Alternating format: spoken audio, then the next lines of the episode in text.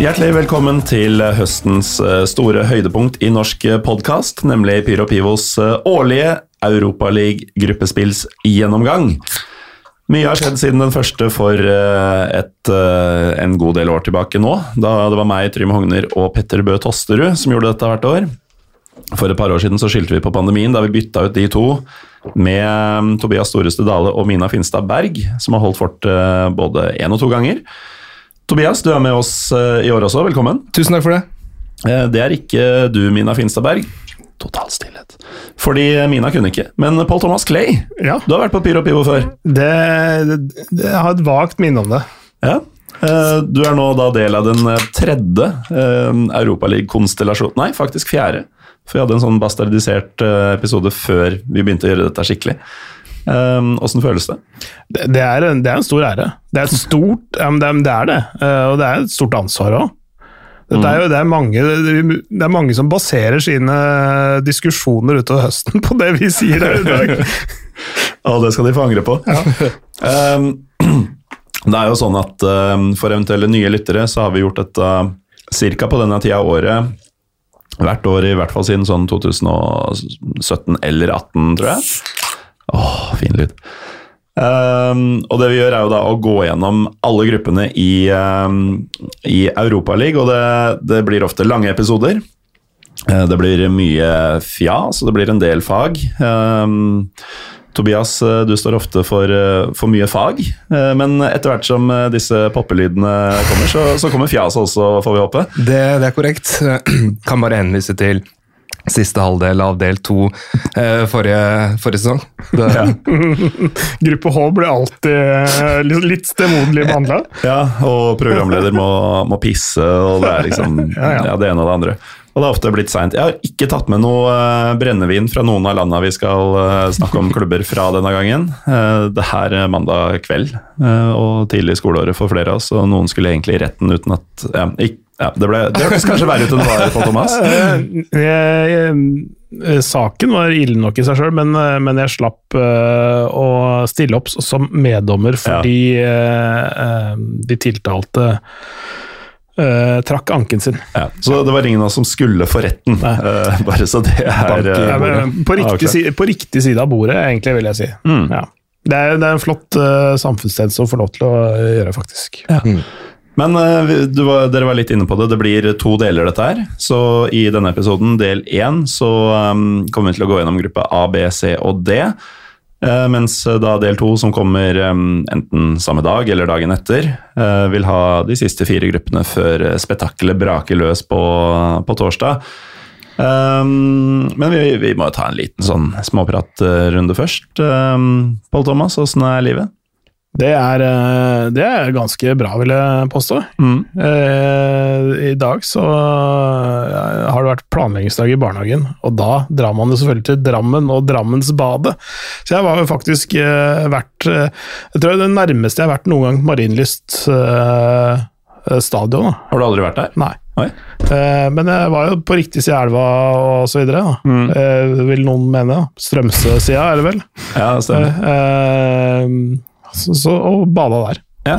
Er dette inspirert av disse mm, badeland- og badestrand-anmeldelsene til Slettemark på Facebook?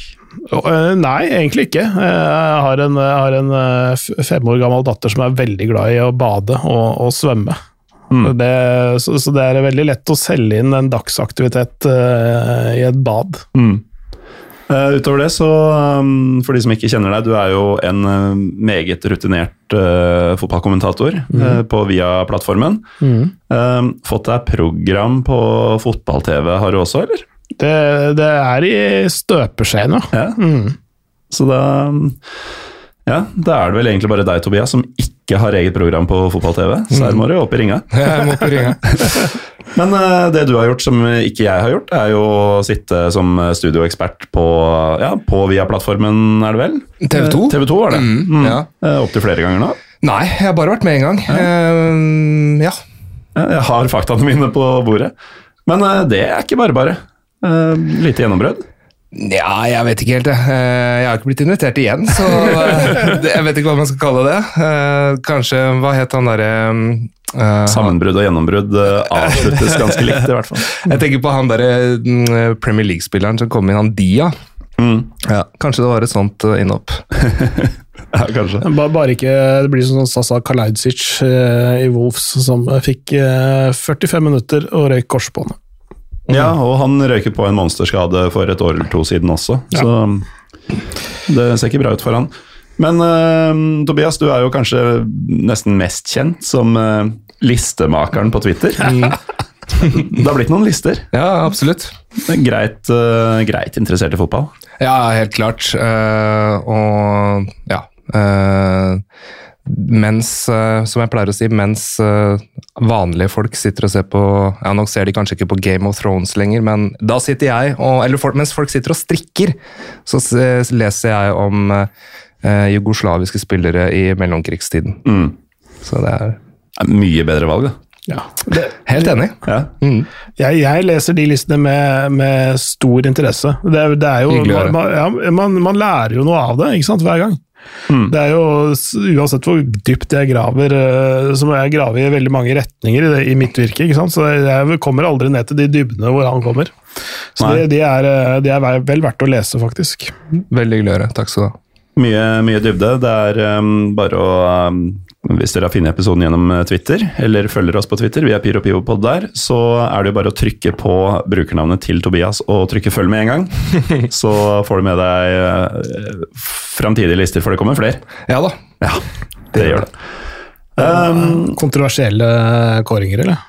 Rangeringer. Du, bortsett vet du hva, faktisk, jeg bare kan ta det kjapt. da. Jeg eh, driver nå med å avslutte dette verdensblikket så med eh, Asia og Oceania og sånne ting. Men så driver jeg og lager en veldig veldig, veldig vanskelig å lage, nemlig De beste trenerne. Og den tror jeg kanskje man der eh, Ja, der er det ja, det er vanskeligere å rangere trenere. Så der får jeg kommer jeg sikkert til å få uh, helvetes mye kjeft. Ja, men ikke mer enn du fikk av romerikingene. Nei. Overhodet ikke. Da, Tom. Lund på åttendeplass, det er det dummeste, det er det dummeste jeg har gjort eh, i voksen alder, tror jeg. Ja, men det, det er det. Um, Du har fått så mye oppmerksomhet rundt det eh, at altså det, det, det kan eh, jeg skal, ikke, jeg skal ikke si at det kan forsvares, men det er, det er, du har jo begrunna det. På et, på et vis, da. Og så kan man jo være enig eller uenig, men det har i hvert fall, det skaper en diskusjon. Det må man jo, eh, det må man jo eh, tåle, tenker jeg. Ja, altså det er jo mye altså, Det er jo mye morsommere. Selvfølgelig, det kommer alltid en del ufinheter og sånne ting som, som man gjerne skulle vært foruten, men det er jo mye mye bedre at det blir engasjement rundt sånne lister enn at du publiserer noe som ingen er interessert i. Jeg er ganske er sikker på at det er flere som har lest den der lista pga. det, enn en det Ja, ja. hvis du hadde satt han der folk fra Nedre Romerike mente ville være riktig. da. Ja. Eller de fleste på Nedre Romerike. Ja, altså. Hvis du hadde skrevet lista riktig, så ja. Men eh, nok om det. Eh, Vi skal til Europa. Yes. Eh, Europaligaen eh, 22-23-sesongen. Det er eh, som i fjor. eh, Den ble jo slanka, eller spissa om du vil, eh, fordi Conference eh, meldte sin ankomst. Eh, Så vi har et håp om å gå herfra før midnatt, ettersom det er åtte grupper og ikke tolv, som det var i mange år. Um, og tidligere så har det jo vært sånn at um, de to beste går direkte videre. Det er ikke tilfellet lenger. Nå er det gruppevinner direkte videre, og gruppe toer spiller en slags kvalik mot gruppe treeren fra Champions League. Uh, så det er ikke automatisk sånn at vi får uh, besøk fra de der onde fetterne i, i etasjen over uh, når gruppespillet er over. Mens gruppe treer går da direkte til Conference League, som, som er den kuleste europacupen, og har vært det i et drøyt år. Er det litt trist at Europaligaen ikke er den kuleste lenger? For det, det har vært ditt mantra i ganske mange år, det. Ja, Podkasten for deg som liker Europaligaen bedre enn Champions League. Ja. Uh, nå tror jeg at jeg endrer bioen til uh, deg som liker Conference League bedre enn Europaligaen. um, men det er i hvert fall Europa League vi skal snakke om uh, her i dag. Uh, og uh, vi kan jo også ta med litt sånn ting sånn overordna i starten. Da. Um, I likhet med veldig mye annet så har jo covid forskjøvet på um, finalebyen. Det skulle nemlig være en finaleby forrige sesong, Paul Thomas Clay, som ble flytta et år, og da heller blir det til våren. Mhm. Og den heter? Budapest. Det er korrekt. Eh, relativt nye Pushkars eh, arena. 67 000. Eh, det er en veldig fin by, forresten. Eh, Budapest. Ja. Det, hvis, hvis, man ikke har vært der, dra dit. Ja, og det, jeg syns det er sånn generelt kult at det er en del uh, i anførselstegn, sånne byer som får, får, europeiske finaler nå. Det er jo kanskje en av de store fordelene med at det er flere konkurranser. At du får større spredning for, på det. For det er liksom ikke, det er ikke Stadio Olympico eller Wembley eller uh, Camp Nou liksom hver gang. Uh, nå vant jo Roma Conference i Tirana sist, mm. og de kommer jo til å vinne Europaligaen i Budapest uh, til våren. um, mm. så, så, det er kult at man kan bringe de store matchene til ja, Distrikts-Europa, om du vil. Puskas Arena var vel EM-arena, tror jeg. Det stemmer. Mm. ble vel bygga mm, til det, egentlig. Å ja, var det det? Ja? Jeg antar det. Eh, det er i hvert fall bare landslaget som spiller der. Og den tar jo 67 000, så det er jo massive saker. Ja. Og jeg ble litt overraska. Jeg kikka på, um, på publikumsrekorden, som er på 66 000 og noe. For jeg tenkte jo, da vi så EM i 2021, så var det jo masse kritikk for at uh, Orban og de, de ungarske myndighetene tok ikke covid på alvor. Så det var liksom fullt stadion. Det var det visst ikke, fordi publikumsrekorden kom ikke under en av Ungarns kamper i EM. Den kom under åpningskampen, som jeg i farta ikke husker hvem var mot, men det var litt sånn der jalla match. Sånn, det var ikke helt New Zealand, men liksom det sjiktet av motstandere som de spilte åpningskamp mot eh, da stadion ble, ble åpna. Mm. Det er eh, noen debutanter i eh, årets utgave. Det er to klubber ved navn Union, Eh, I samme gruppe? I samme gruppe. Så det blir Union mot Union ved to anledninger i høst. Og så er det gutta dine, Clay, i Nantes. Mm. Og um, en klubb som nesten havna Ja, som nesten slapp å debutere i Europaligaen i år, da de var millimeter fra Champions League, Tobias. Mm. Hvem snakker om det? Da snakker du om Bodø-Glimt. Bodø-Glimt. Uh, og så er det bare ett sett med byrivaler. Uh, tidligere så har det vært en god del av det. Det har vært mye Celtic Rangers, det har vært mye Partisan og Røde Stjerne. Nå er det bare Roma Lazio, uh, som er fra samme by. Um, lag med flest, eller Landet med flest klubber, Paul Thomas, det er La France. Mm. De har tre. Så er det noen få som har to hver, men totalt veldig få som har mer enn ett. Og det er 23 eh, forbund som er representert eh, blant de 32 laga, mm. eh, som jo også er ganske kult. Eh, avslutningsvis, før vi går på gruppene, så kan jeg jo nevne at eh, samtlige skandinaviske land, i tillegg til Finland, har hvert sitt lag med. Det um, har kanskje skjedd før, men uh, det må ha vært Det, det tilhører sjeldenhetene, tror jeg. Uh, ja. mm, jeg begynner å tenke, men uh, ja, det Du blar litt i kartoteket sjøl? Det, det, kan nok tenkes at det er første gang, ja. Det kan være, altså. Ja. Mm. Men uh, jeg husker at vi har jo hatt noen uh, tidlig Seint på 90-tallet, tidlig på 2000-tallet, rett ved da de gikk over til 32 lag i 99-2000, så mener jeg at nei, Da var det kanskje ikke noe danske med. Nei, vet hva, det, det, kan vi ikke prate. Folk får finne ut av det sjøl. Men jeg skal, jeg skal i hvert fall sjekke ut det etterpå. Men det du mente å si, var at det kan ha skjedd i Champions League? Eh, ikke fire, tror jeg. fordi HK eh, Helsinki spilte jo i Champions League i 98-99. Og da spilte også Rosenborg men da var det ingen, og, og Brøndby, men da var det ingen uh, svenske lag med. Nei. Nei. Så det var den jeg tenkte på. og det, jeg ser på deg nå. Du har ikke drevet og bladd febrilsk i Google? Nei, nei, og dette har jeg ikke sett på i uh, forkant. Men, men jo, dette er jo noe som Ja, det er en del av de tingene jeg går rundt og tenker på. Da. En del av grunnen til at jeg er singel, f.eks. Ja. At jeg ikke har venner og den type ting. Nei da. Kjør! Vi kjører. Um, skal vi starte med gruppe A, kanskje? Ja. Det er logisk ofte, det. Ja, Der er det også lag som begynner på A, som har vært uh, ganske latterliggjort i uh, ganske mange år. Eh, fra Nord-London, som eh, virker å ha begynt å få sving på sakene. Du med ditt uh, britiske etternavn, Clay. Ja. Har du noe forhold til Arsenal? Uh, den første fotballkampen jeg så live i England, som jeg, som jeg, som jeg husker, det var på Hybrid. I 84-85, der omkring. Mm. Uh, og egentlig tror jeg bestefaren min, eller oldefaren min, tror jeg det blir på, på farssiden, da, uh, var Arsenal-fan. Uh, selv om fattern vokste opp i Croydon og sånn sett skulle jeg vært Crystal Palace-fan osv. Så, videre. så um, ja, men det er en viss sånn familiære faktisk linje tilbake til Nord-London der, altså. Mm. Og du, Tobias, altså du er jo Hvis du skulle valgt si en to-tre ligaer i Europa du følger mest med på. Mm. Um, jeg veit at Spania er en av dem. Spania er nummer én, ja. Og så mm. er det Premier League nummer to. Og så er det litt ymse her og der. Jeg ser mye fransk fotball og tysk. Og, ja, jeg ser det, det beste ja, Jeg liker å se derbys og sånne ting, mm. blant annet. For med Arsenal så får du på en måte det beste av to verdener for deg, da. Med Arteta på trenerbenken mm. og, og ja, et av Premier Leagues beste lag mm. uh, på matta. Arsenal ser jeg mye. Mm. Ja, det tviler jeg ikke på. Um, hva, hva, er det som skiller Arsenal, som vi ser nå, eller har sett det siste halvåret, da? Fra det laget man så for ja, en sesong og to tilbake? For det første syns jeg de har en mye bedre spillerstall.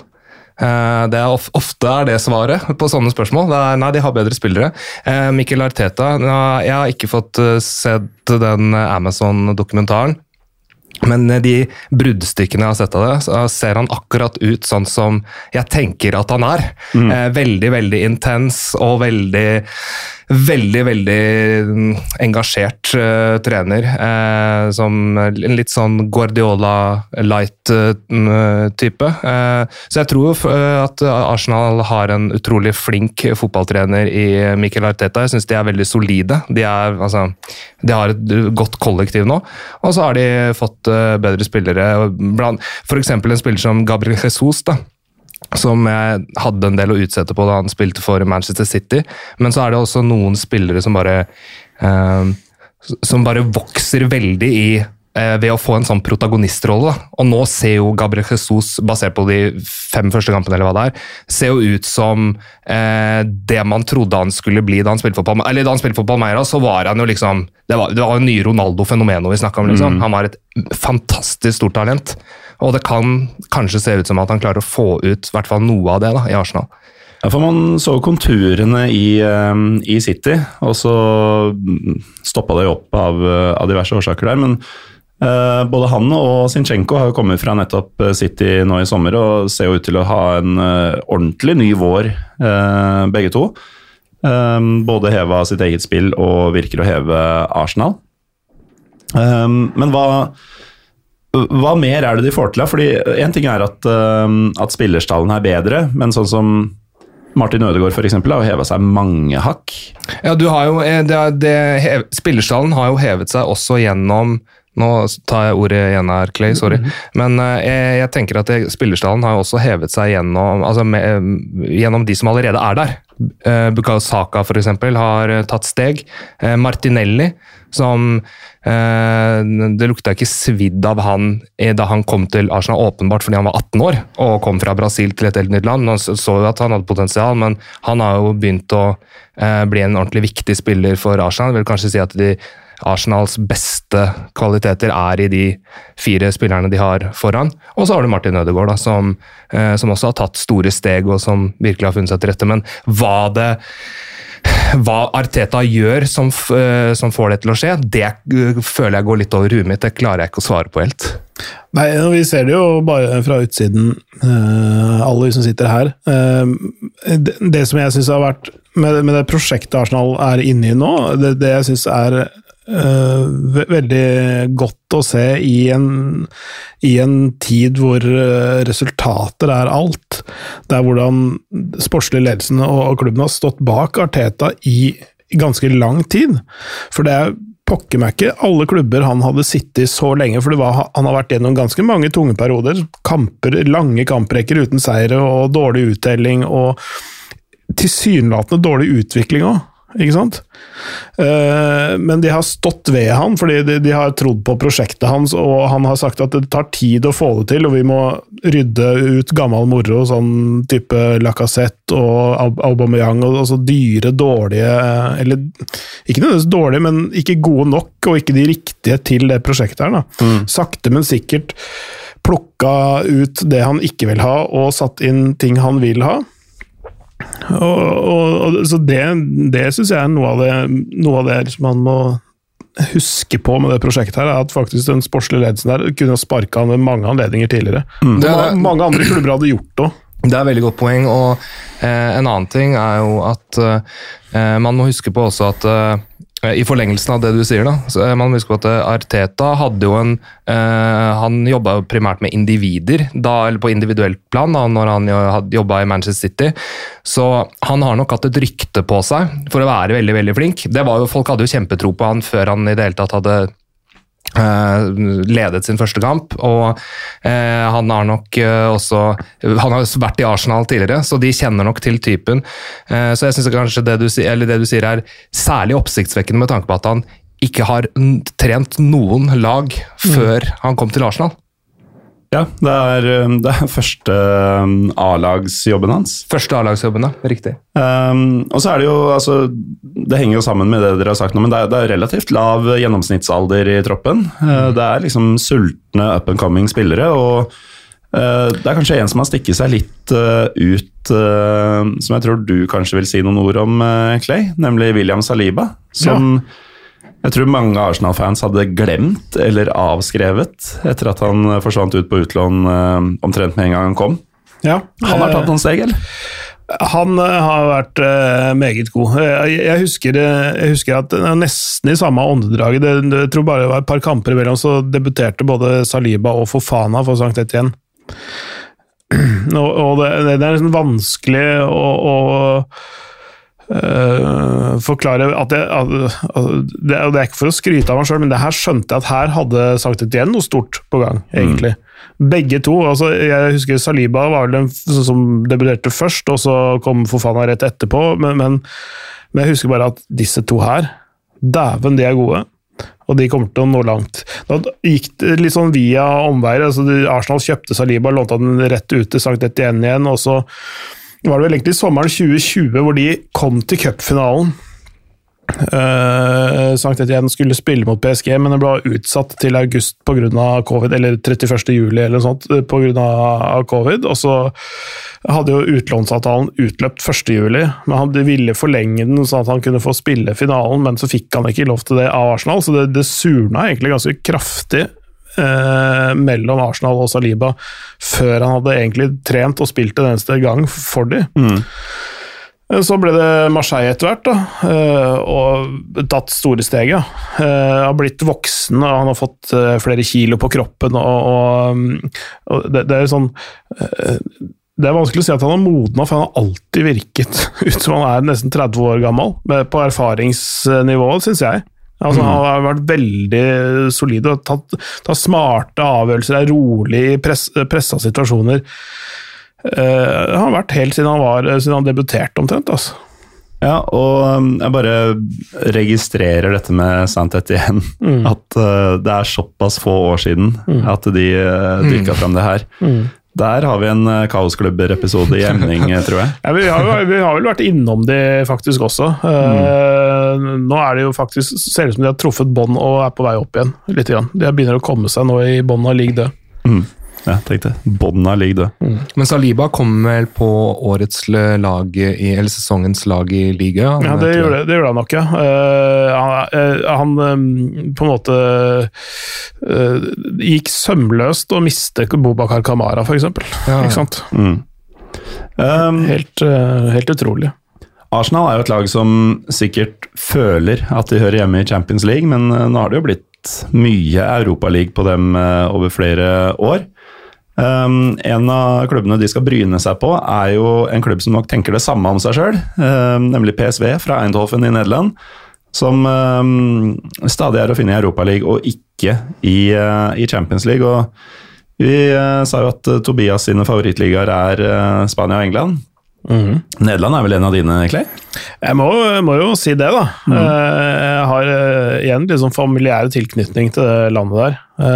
Med en bror som bor der? Ja, riktig. Han, han er, på sitt, er, på sin tredje by nå i Nederland, på de siste 26 åra.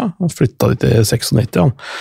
Og kom aldri tilbake. Men det, det gjør at Pyro Pivo indirekte har en korrespondent i Nederland. Ja. han han fôrer meg med mye, og så bringer jeg det videre til, til det norske folk. Um, nei, PSV er jo et lag som ja, Folk kjenner jo til det gjennom historien, uh, fotballhistorien sjøl til en viss grad. De følger kanskje ikke med på det i det daglige. Uh, de har jo fått en ny trener et, etter at Roger Schmidt uh, mm, dro litt i forveien for uh, Fredrik Aursnes Ja. til uh, Benfica. Men eh, det, altså det var veldig gøy med Roger Schmidt, mm. og vi snakka en del om han i, i fjor, eh, Tobias. ja. Men gøy, gøy, og gøy, gøy og gøy, det er ikke alle som syns at det var så veldig gøy, nemlig. For han, han innførte tyske metoder i Nederland, og det er ikke så veldig populært. Og egentlig tyskere sånn generelt sett. Det er, det er sånn det er litt mer vondt blod enn Norge-Sverige-type ting. Altså, det er ikke en sånn, alltid en like vennlig forbrø forbrødring, det der. Nei, nederlendere kan gjerne dra til Tyskland, men eh, det er ikke like populært andre veien. Nei, og, og tyske metoder i en så stolt fotballnasjon, og litt, så, litt sånn småarrogant fotballnasjon egentlig, som det Nederland er. Mm. Det, det, det, det falt en del spillere tungt for brystet. Uh, Iataren, uh, Mo, Mohammed Iataren. Mm. Blant annet falt jo øh, Eller øh, falling out, var det jeg skulle si. Altså, Mm. de, de, der var det full krasj, og de, øh, han ja, dro til Juventus på en måte. Og så kom han tilbake til Nederland. og ja, Det er, mye, det er en egen historie i seg sjøl, men, ja.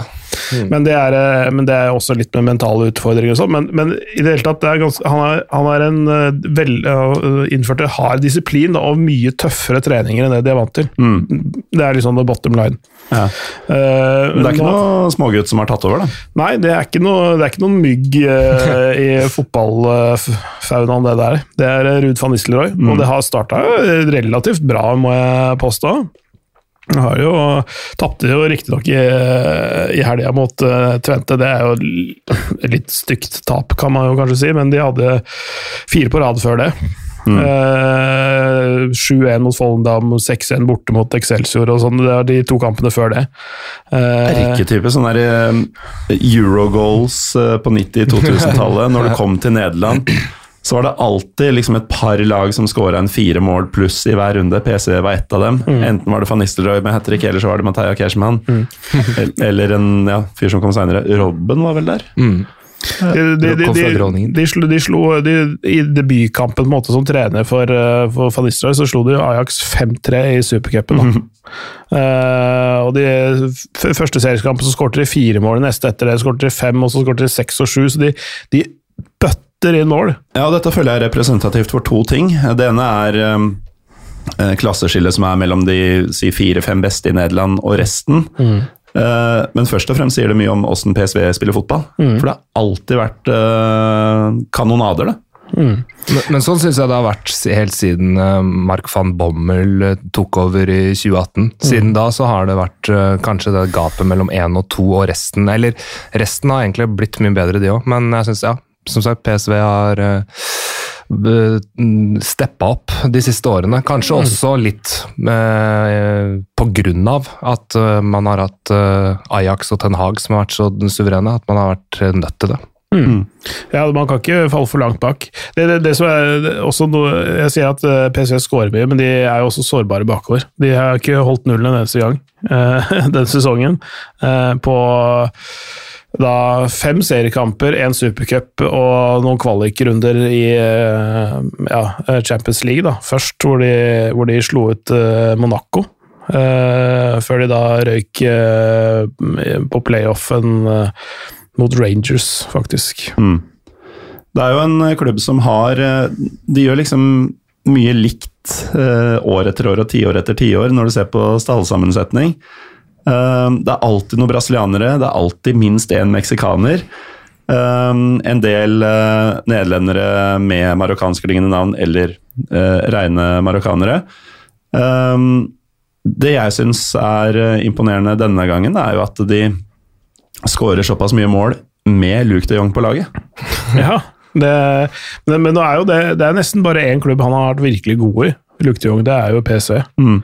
Uh, I hvert fall av noe no, å nevne. Han har jo noe, har hatt en lang karriere med litt mindre klubber før den tid også. Uh, nei, det, men det er um, det, det, de, de, har gjort noen sånn litt sånn pussige Ikke pussige signeringer, kanskje, men, men, litt sånn annerledes enn det man kanskje kunne tenke seg. Altså, Hente Walter Benitez f.eks. på keeperplass. Det mm. hente en Gamle NIS-keeperen? Ja, NIS-keeperen. En, en 29 år gammel argentiner vinner fra et fransk lag. Altså det, er liksom, det, er ikke noe som de gjør til daglig. Mm. Um, ei heller kjøpe spillere fra, fra PSG. Uh, Savi Simons, uh, som, er, uh, som, har vært en åpenbaring denne sesongen her, og, ble også kåra til vel æresdivisjonens beste spiller i august. Uh, starta fantastisk. 19, han var bare 19 år. Det, det, er mange som har rista på huet av at han ikke har fått noe særlig flere sjanser, egentlig, eller fikk noen flere sjanser i PSG. Han har skåret seks mål denne sesongen. Mm. Det var jo noen kamper han starta for PSG på slutten, ja, på som Bappe Mbappe og Messi. Men mm. Savi Simons har jo vært en sånn spiller som han har hørt om siden han var 12-13 år. Ja. Ble plukka på Amino Raiola tidlig og signerte sponsoravtale med tror det var Nike. Mm. Så han er oppkalt etter Savi, Savi. Ja, ikke mm. sant. Og han, og han, eh, han eh, har liksom eh, venta litt på når er det han får muligheten, og hvor får han muligheten. Nå har han åpenbart fått muligheten da i, i hjemlandet sitt. og for han er jo fra Nederland, selv om han har vært ja. Eh, via PSG-systemet. Um, uh, han er vokst opp i Spania, faktisk. Han ja. er født i Nederland, men han har mm. vokst opp i en, tror det Alicante-området. eller noe sånt. Mm, mm. Men han har spilt U-landskamper for Nederland hele veien og, og sånn. så, så det, er veldig gøy å se at han endelig slår ut i, i full blomst. da. Mm. og Det er en spiller å følge med på, og han han blir ikke billig når han uh, en gang drar derfra. Men hva, hva, tror du for Det er litt uh, nysgjerrig på, du som uh, følger både fransk og nederlandsk fotball tett. Hva tenker du er Hvor god kan Savi Simons bli? Nei, det, det, er litt sånn Det er jo nå er det jo bare en, en start på én sesong, og han er 19 år, så det er jo sånn der, Noen brenner jo kruttet tidlig i karrieren. Utviklingskruttet, kan du si. da. Ja, ja. Så det er litt vanskelig å si om han, om han stopper om to år og mm. liksom bare flatliner ut derfra, men, men, men grunnlaget, i hvert fall utgangspunktet hans, er jo at han ja, der hvor Martin Ødegaard er i dag, da, ikke sånn, være sentral i et sånt topplag eh, i en topp fem-liga. Helt klart. Jeg, jeg syns jo det som er med Savi Simons, da, er at han har jo helt åpenbart Han er jo ekstremt god på skanning. Mm. Eh, vanvittig bra spillforståelse og veldig bra pasningsfot, bra teknikk, mm. eh, den type ting.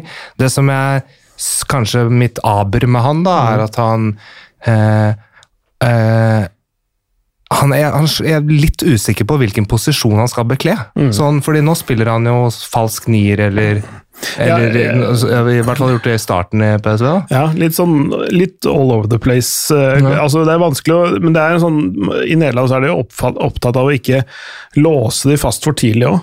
Ikke sant? Litt sånn som uh, Gravenberg, for eksempel. Ja. Han, eh, han, heller var det sånn de, de, med vilje ikke liksom låste han i en posisjon. Uh, uh, for, nettopp for å utvikle, gi de forskjellige typer utfordringer, for å utvikle en sånn, en sånn multirollespiller også, egentlig.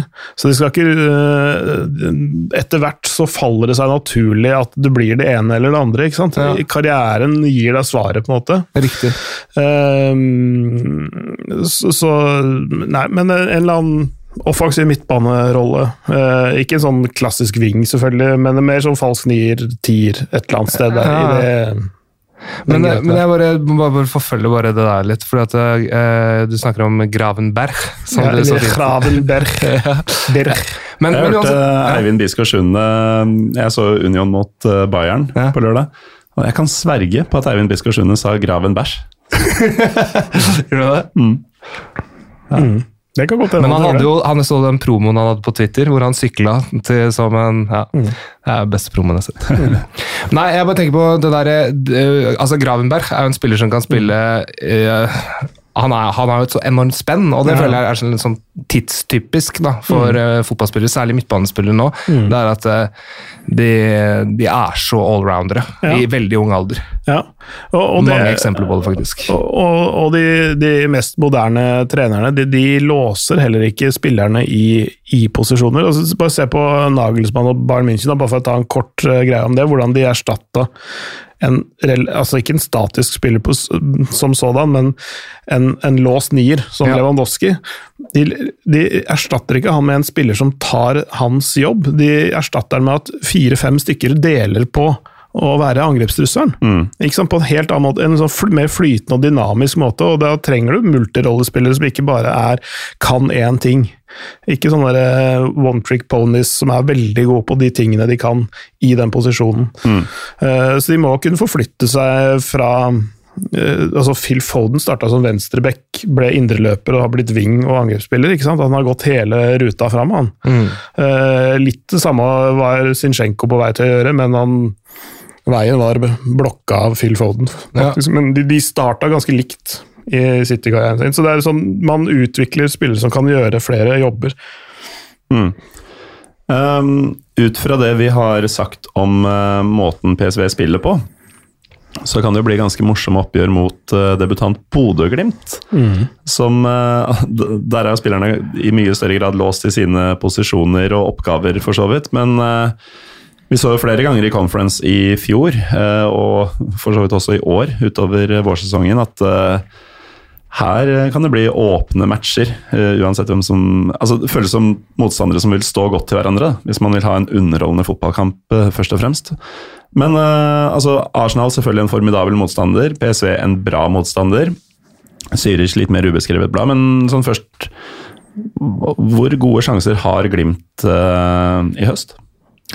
Ehm, jeg tror at uh, Bodø-Glimt har veldig gode sjanser til å ta tredjeplassen. Eh, jeg, tror det er, jeg tror PSV er for sterke, men det som eh, eh, Det som Glimt eh, er så gode på, som gjør at de eh, kan slå Roma, da, for eksempel, eh, det er jo at de relasjonelt sett er så mye bedre enn de lagene de møter. Så det at de individuelt sett er en del dårligere, eh, det, det kan gjøre at de likevel slår eh, sånne kanoner. Og du så, jeg synes du så det er veldig tydelig da Bodø Rundt virkelig sleit i Conference League, var mot, AZ, mm. som hadde eh, som matcha dem på det der relasjonelle nivået. Da ble det vanskelig for, for eh, Bodø-Glimt.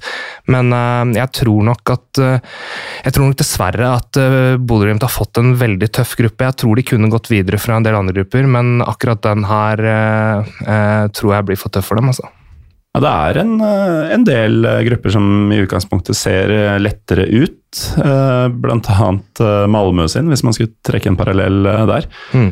Men eh, P- fra, PSVs side så tror jeg de, de, de først og fremst må tenke på hva som går fra midtbanen, ikke fra spissen. Det, er- det, det, det, er- Ikke nødvendigvis enkelt, men det, det er lettere å ta Luke de Jong ut av kampen.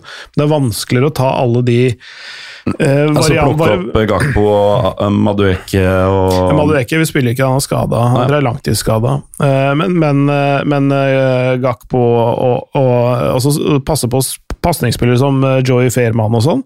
eh, Han kan eh, finne luker overalt. Vanskelig å ikke blande han og Joel Feltmann. Ja. Eller eh, Henk Fehrmann, som var eh, han der stakan som spilte spiss for det Martin Ødegaard Heerenveen eh, i sin tid. Mm. Det er fort gjort at folk tenker på han. Ja.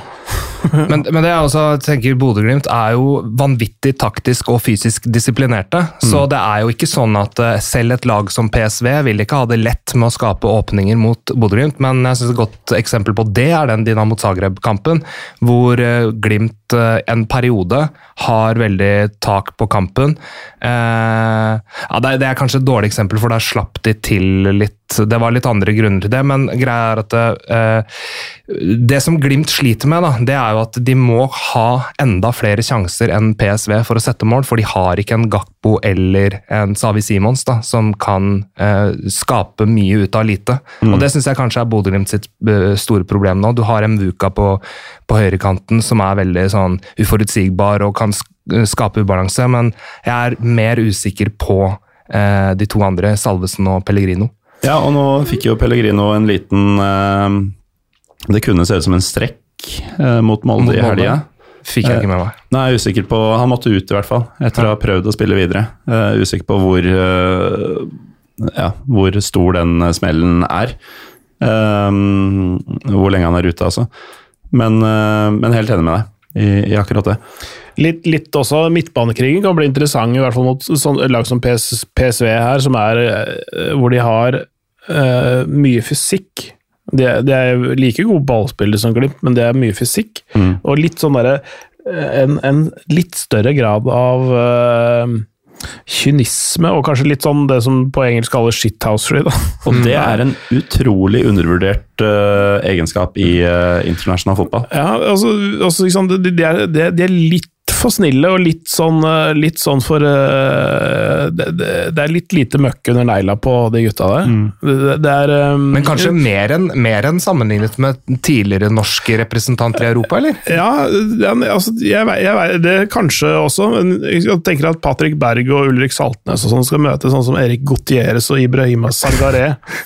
Det der, Sangaré er deilig, altså. Ja, han er det. Eh, og da, og da, da må du opp et hakk på, på ganske mange plan. Nå har, nå har Patrick Berg fått uh, lov til å lære litt i lands av uh, ja, Dokoré og, og Seko Fofana og sånn. Eh, og, og andre. Uh, så, så, så han har jo med seg noen, sikkert noen triks i, i den eh, Louis Vuitton-toalettmappa som de alltid har med seg hjem fra kamp.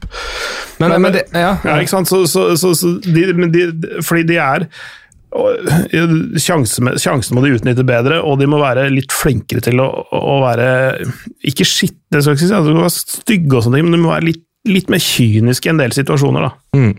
Men jeg Litt naive har de vært. Jeg tenker eh, det som, det som jeg syns er interessant, da, eh, er at eh, Altså, Bodø-Glimt har jo Knutsens Glimt, da, hvis vi kan kalle det det. De har jo hatt en del spillere som har vært eh, som har feid gulvet med stort sett alle i Eliteserien. Typ Evjen, Sinkernagel, Junker, Hauge, Bjørkan, Lode og, og Berg. da, Og jeg tror kanskje den eh, vanskeligste posisjonen å mestre i det Glimt-systemet er nettopp den Patrick Berg-rollen.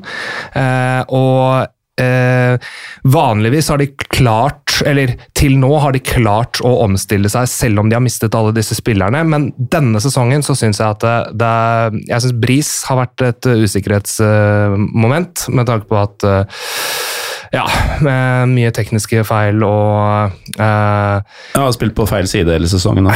ja, han har det også, men eh, det er eh, Ja. ja.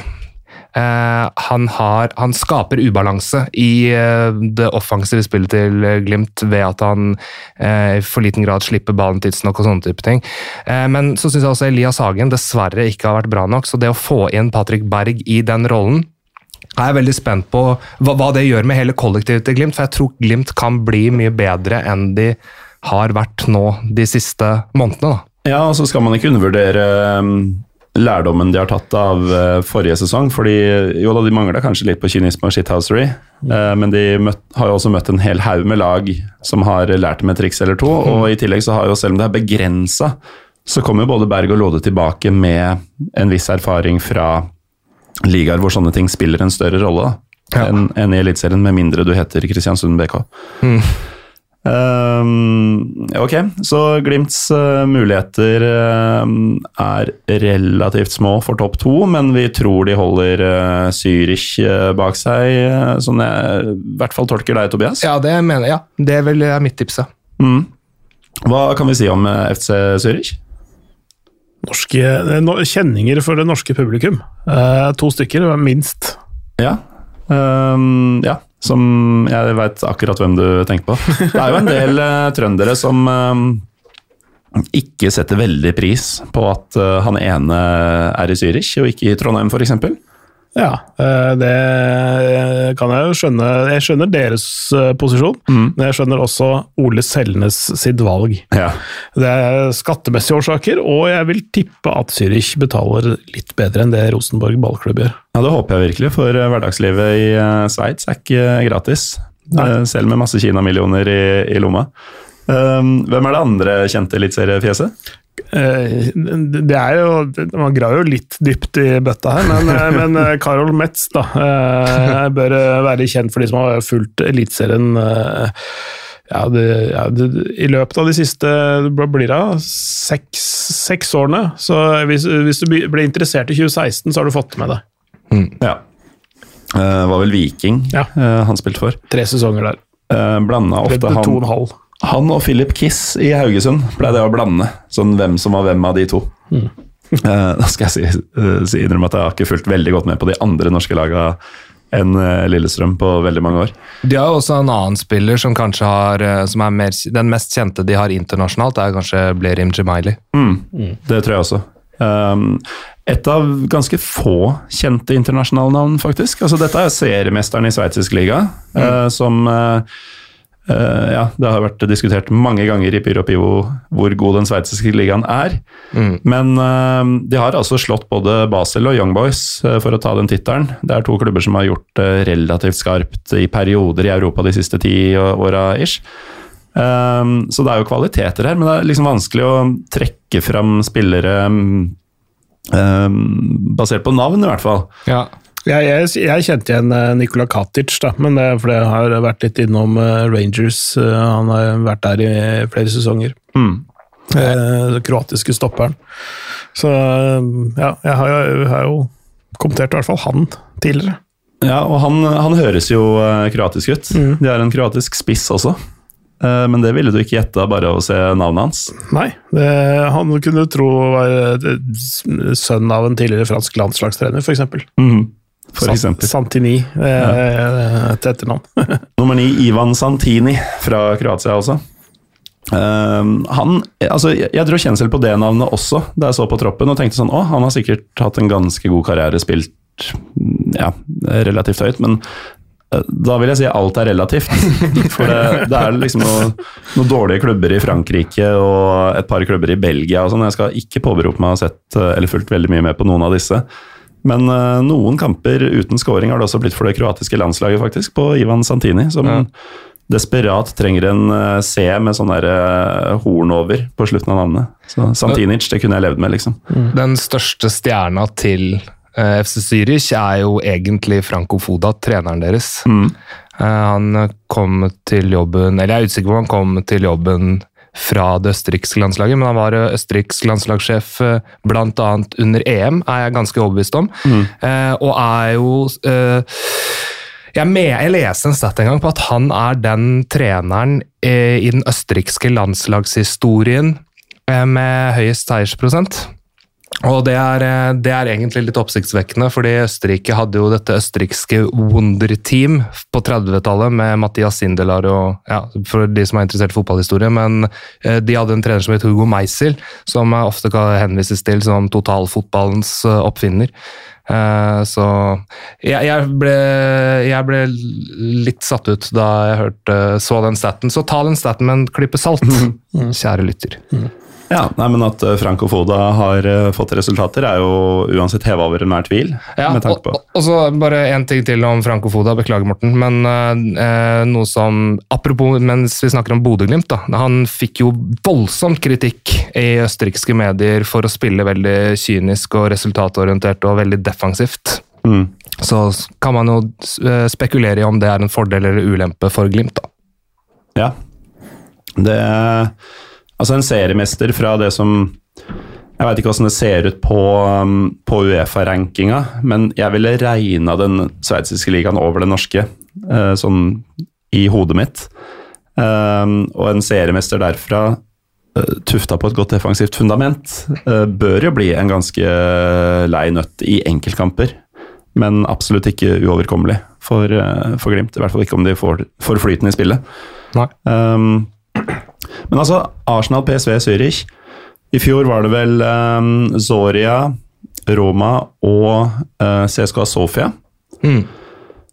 Hvordan ranker vi de to gruppene mot hverandre i uh, vanskelighet? Det er vel ganske mye verre i år? Ja, ja. Det er eh, mye, mye altså det, det dårligste laget er mye bedre enn det dårligste laget i fjor. Uh, og det beste laget er nok bedre også. er, er mye bedre, Ja. vil jeg, vil jeg ja, mene. ja, er, Får se, får se hvordan det er. At årets Arsenal er mye bedre enn fjorårets Romme? ja, ja. Ja. Ja, det, det, Arsenal, meg, Arsenal Ja. eh, Jeg tror Arsenal klarer topp fire i år.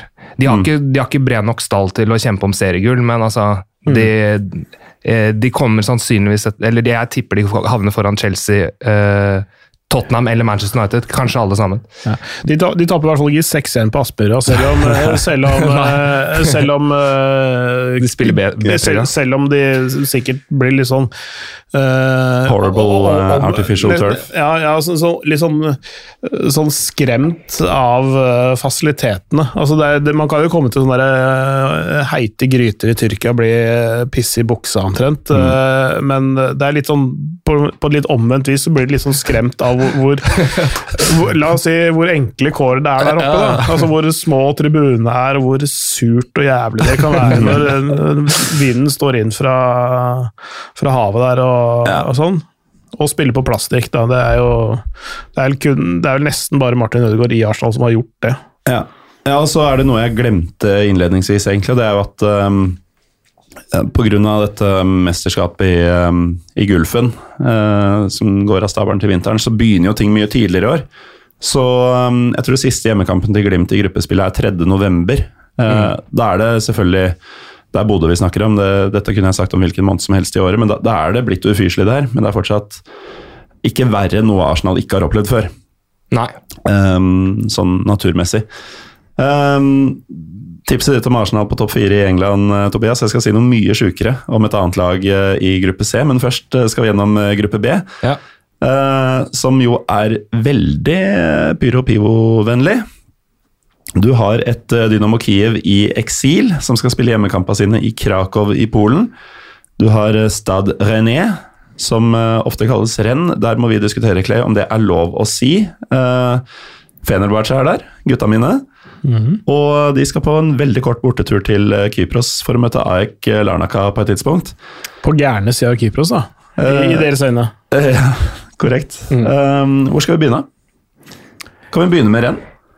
Ja, Absolutt. Det, det kan vi gjøre. Uh, For Grunnen til at jeg lurte på om det var greit, eh, er at byen heter Renn, men eh, klubben heter Stad René, ikke sant? Ja. Eh, Stade René fotballklubb. Ja. Altså SRFC, eh, på en måte. Det som er eh, Men blir det sånn like stor feil å si Renn, altså bynavnet, eh, som det ville vært å si Manchester om Manchester City, f.eks.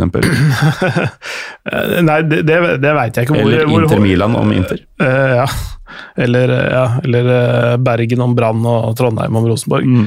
Eh, som av og til skjer ute i Europa, faktisk. Ja. Spesielt tyskerne er glad i å legge på bynavn eh, på slutten. Nei, det, det veit jeg rett og slett ikke hvor hårsåre de er på det, men jeg, jeg registrerer at, eh, at folk tett på det, også eh, engelskspråklige eh, så, som, som jobber der, og, og de, de omtaler det som renn sjøl. Mm. som folk som er mye tettere på det i det daglige enn det jeg er. Eh, så, så jeg tror ikke de er så hårsåre på det. Ehm, og så står det vel, uh, hvis du ser på den grafikken fra fransk fotball, eh, når det står en sånn trebokstavs forkortelse oppe ved, mål, eller ved resultatet som står oppe i venstre hjørne, Mm. så står det vel REN uh, der. Ja, men det ville det gjort uansett, om det er Rennes Nei, eller da ville, Renais. da ville, ville det vært en uh, SRFC eller noe sånt noe, da. Jo, men det be betyr ikke at det står for Renn og ikke René. Ja, altså, sånn sett, ja, kanskje. Men nok om det. Eh, Da vi eh, var på vei inn i studioet her, så nevnte jeg jo at du som eh, er veldig glad i nederlandsliga, også er glad i veldig fransk liga. Veldig glad i fransk liga. Ja. Og mm, da jeg ville gi deg hovedansvaret for rennet i dag, så sa du det er litt av en klubb. Ja, og der, altså bare For meg så er det åpenbart når jeg nevner denne lista her, da, men bare, øh, jeg bare sier det først, og så, kan vi snakke om det etterpå. Uh, Terrier, Doku, Sulemana, Calumendo og Amin Guiri. Mhm. Og, og uh, Ablin, Ablin, også, som er uh, ungt talent der, på 19 år. Det er, altså, og snittalderen er jo på 2-23. Terjer er vel han gamle der? Ja, han er 25, så han er jo syvende far i huset. men, men, men, altså, den angrepsrekka er altså så helt vanvittig bra. Mm. og de har rekruttert av, av nå Calumendo fra formelt sett PSG. Han spilte i lands i fjor. Uh, vært uh, uh, tror jeg kommenterte en av de første kampene han spilte for A-laget til PSG som en sånn treningskamp mot Celtic for noen somre siden. Det var sånn bare wow! Det er en liten kraftpakke. Han så, ut som Han svær som et hus og, og 18 år, liksom. Altså bare sånn helt sinnssyk fysikk, kjapp, alt mulig rart. Alt mm. det du forventer av en, uh, av en spiss uh, fra Frankrike på det, på, på det, tidspunktet som spiller i PSG. Da. Mm. Uh, så er det en av de en, en av de som kanskje har vært snakket veldig mye om, og som tidvis har vist vært en helt sjukt god avslutter og vært, vært god i et ganske dårlig NIS-lag, Amin Gouiri, som ja. vel også er fra Lyon-systemet. Han trakk vel eh, du og Mina fram for et par år siden? Ja, jeg, jeg, jeg, jeg, har jo også sett han eh, og tenkt på han og ønsket han alt vel, for det er en spiller jeg liker òg, ikke sant. Eh, og de fikk han nå helt på tampen av vinduet. Mm. Han, har vel, han, har vel, slitt med at han, er veldig, at han ikke er stabil nok. Mm. Ja, han er 22 år nå. Noen, noen finner den der eh, treffer planken litt seinere i karrieren, da, eller sånn aldersmessig. Eh, men jeg, jeg tror at han kan få den roen og tryggheten han trenger under en, en så stødig fyr som Bruno Genesio, som er treneren der som også er en gammel Lyon-trener. og det, Dette Lyon går litt mm. igjen i litt av det eh, renn gjør nå. Det, de bygger, bygger, seg sakte, men sikkert opp til å bli et storlag, faktisk. Mm. Eh, har Frankrikes rikeste i, i ryggen. Eh, det må vi snakke litt om, ja. fordi de grei, eies da av eh, en sånn holding company. Mm. Eh, gruppe Artemi, mm. eller Artemis. Det Altså, jeg hadde ikke hørt om det før. Mm. Men uh, da jeg leste at de holder til i Paris, mm. det sjokkerte meg så lite, for dette er det franskeste jeg noensinne har hørt. Uh, de investerer da altså i mote, vin, luksus, kunst, turisme, mat og en del andre ting. Det er sånn ja, altså, det, det, er alt du ser det, for deg når du tenker Paris og Frankrike. Den, de driver med alt det, de. Ja, akkurat nå glapp eh, familienavnet for meg, men, men, men, men de er sånn som eier sånn type noen Yves-handlere og Eh, jeg lurer på om det er Moët Chandon de, Champagnen de eier altså, mm. De eier altså, sånne enorme merkevarer som er kjent over hele verden. og de, Familien er liksom god for 200-300 milliarder kroner og sånn. Pinot-familien, eller? Ja. Mm. Uh, men, men, de har ikke brukt penger som fulle sjømenn. De er ikke sånn som, sånn som bare kaster penger på, på alt mulig rart. Uh, og uh, de bruker smart. Eh, de rekrutterer smart. De har hatt gode direktører og sportsdirektører opp igjennom som på en måte bygger det sakte, men sikkert opp. og de, de kan kjøpe dyrt, men det er fordi at de da selger det dyrere seinere. Mm. Uh, finner god verdi, god verdi, i spillere. Sånn, uh, rekrutterer f.eks. Baptiste Santa Maria, da, som spilte var veldig god for Angers for, for noen få sesonger siden, og så ble han merkelig nok solgt til Freiburg og så kjøpte de han tilbake i en midtbanespiller i sin beste alder, som er veldig undervurdert i mine øyne. For bare Jeg Hva var da Han ble kjøpt til Freiburg for 10 millioner euro, og så tror jeg det var 13 eller noe sånt, og de kjøpte han tilbake til Frankrike for. Men altså, sånn, sånn, sånn, sånn spiller som du får uh, like mye ut av som om du hadde brukt 30, ikke sant? Mm. Uh, og så har de noen unge talenter innimellom der. Uh, Leslie Ugochukwu ja, det er igjen svær som et hus, veldig god midtballspiller. Bare 18 år. Jeg så han mot Rosenborg på Lerkendal uh, i, i, fjor høst. Uh, han tror jeg kan komme til å bli bra. Men også er det sånn, så, litt ukjente spillere sånn som Lovro Maier, som de kjøpte fra Dinamo Zagreb mm. i, i, fjor, som også slo gjennom litt, litt uti i sesongen i fjor. Uh, han eh, starta vel litt over 20 kamper, og, og uh, etter hvert viste seg å være en, en nesten en sånn en Modric light, da. Ja, men han har vært en mm. bauta i mm. noen av de bedre Dynamo-årgangene vi har sett, Mm. altså fra de siste ja, par, tre, fire åra. Mm, og han er bare 24 år, ikke sant? Mm. så der, der, der ligger det jo potensialet enten sportslig eh, eller sportslig og økonomisk. ikke sant? Mm. Du, vil jo, du vil jo uansett eh, kaste av seg disse her eh, tingene de gjør. Ja, og så nevnte du jo at det er en del unge talenter og sånn. De er jo en talentfabrikk, eh, nesten uten like. Altså Kamavinga kommer jo derfra. Eh, Osman Dembélé eh, slo gjennom der, eller dukka opp der. Uh, Sylvain Viltor, hvis vi går litt uh, tilbake i tid. Petter Cech. Ja, faktisk. Ja, det er ikke tull heller, holdt jeg på å si. Og han som aldri ble, nemlig Johan Gorkuff, Ja. eh, kom også opp gjennom det akademiet. Mm. Og så har de, de solgte akkurat Mattis Tell, som er spisstalent. Han rakk jeg aldri å se. Han hadde øh, vel bare sånn øh, rundt en halvtime fordelt over to-tre kamper Men gikk på likevel. A-laget til Bayern München. Mm. Ikke Ja, sant? for alle penga i hele verden. Ja, det var vel det var en 30 millioner euro og sånt. Ja, noe sånt. Ja. Tror kanskje det er mer òg. Ja, jeg, jeg tror det var noe sånt. Mm. Og så har de han som har øh, dessverre har um, hatt litt dibs på venstreback-plassen, Adrian Truffert, som er 20 år gammel. Veldig god venstreback. Uh, altså, Meling starta veldig bra i fjor og hadde, hadde liksom begge hånda, henda på den plassen, men etter hvert ble utkonkurrert av en del yngre Truffert. Han er god. Så, så er det solid uh, kapteinen Amari Traoré på høyrebekken kanongod uh, spiller det også. Uh, men eh, etter at de solgte Edouard Mendy til eh, Chelsea, så prøvde de å eh, kjøpe en, en keeper fra samme klubben som de kjøpte Mendy fra, Alfred Gomis. Også senegalesser. Ja, Uh, uh, så det var litt sånn eh, de, de brukte den samme sjablongen, eh, men, det, men det har ikke passa helt. Da. Han har ikke vært like god. Og så henta Steve Mandanda faktisk eh, opp fra Marseille. Eh, Nå ble han utvist i en av de første kampene, eh, men, men eh, det som er ser ut til å kanskje være um, førstekeeperen egentlig, da. De har eh, også en en 19 år gammel tyrker der som eh, ser ut til å få litt spilletid. Doan Alemdar. Uh, ordentlig kult lag. Eh, litt under radaren for mange, sikkert. Ja. Og mannen som skal holde dette sammen, er eh, Bruno Genesio. Han har jo forvalta talent tidligere. Ja, eh, som trener i Lyon.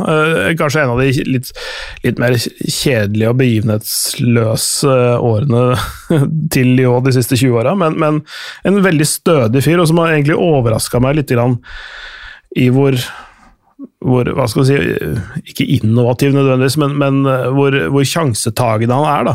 For han var, virka så grusomt kjedelig og trygghetssøkende når han spilte i Lyon. Jeg tenkte han har jo så masse talent, hvorfor bruker han det ikke? Hvorfor bare kaster han det ikke på? Eh, tenkte jeg ofte når jeg så Lyon under han, men, men han, er, han, han har skrudd sammen et veldig godt rennelag.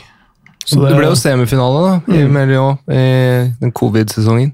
Ja, eh, ja riktig. Eh, Men, men, eh, men da var det med han, Det, Det, det Å ja, det er et godt spørsmål. Han trente dem kanskje litt før, han. Ja. Ja. Eh, Så Jeg lurer på om det var det Rudi Garcia som var Det, det. det, du har nok rett i, beklager det. Ja. Eh, Men en fun fact, da, som er, i og med at vi prater om renn og Lyon her, de fire akademiene som produserer flest spillere til topp fem-ligaer i Europa, er La Fabrica til Real Madrid, La Masia og Rennes og Lyon Akademiet. Mm.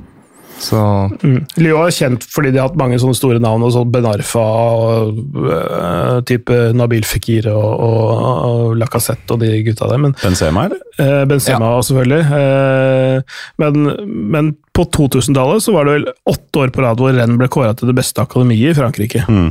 Og det var vel eh, omtrent de åtte åra som Lyon vant uh, gullet. Ja, ikke sant? Så, så, så de, de, de står begge for uh, gode leveranser, da. Så nevnte jeg jo tidligere at det bare er ett by, holdt på å si derby. Nå møtes jo ikke disse klubba i denne turneringa før eventuelt langt ut i sluttspillet, men selv om selv om det ikke er eh, lag fra samme by, så er jo det andre, eller et av de to andre franske lagene med i turneringa i år, er jo Nantes. Mm. som eh, Ja, de og Rennes har jo et feist feisty forhold til hverandre. Ja, det er en sånn Bretagne-derby, da. Mm. Det, det, det er eh, Det er et hett hjørne av Frankrike, det. Det er det. det, er definitivt. Er flere kule lag der òg. Ja, og det er, det er begge hvis man, skal, hvis man, skal, dra på en, en, fotballtur et sted og få med seg flere kule stadioner og gode fans Nantes og, og Rennes er to av de stedene man, man, kan dra. Det kan man jo ta på en, en helg, da. Hvis man mm. treffer med terminlista der, sånn, så har du jo andre lag som Lorient og sånn i området òg. Brest. Ja der er det mange lag oppe i Britannia, og det tilstøtende området, Gangan f.eks., også mm. ligger inne i eh, gryta der.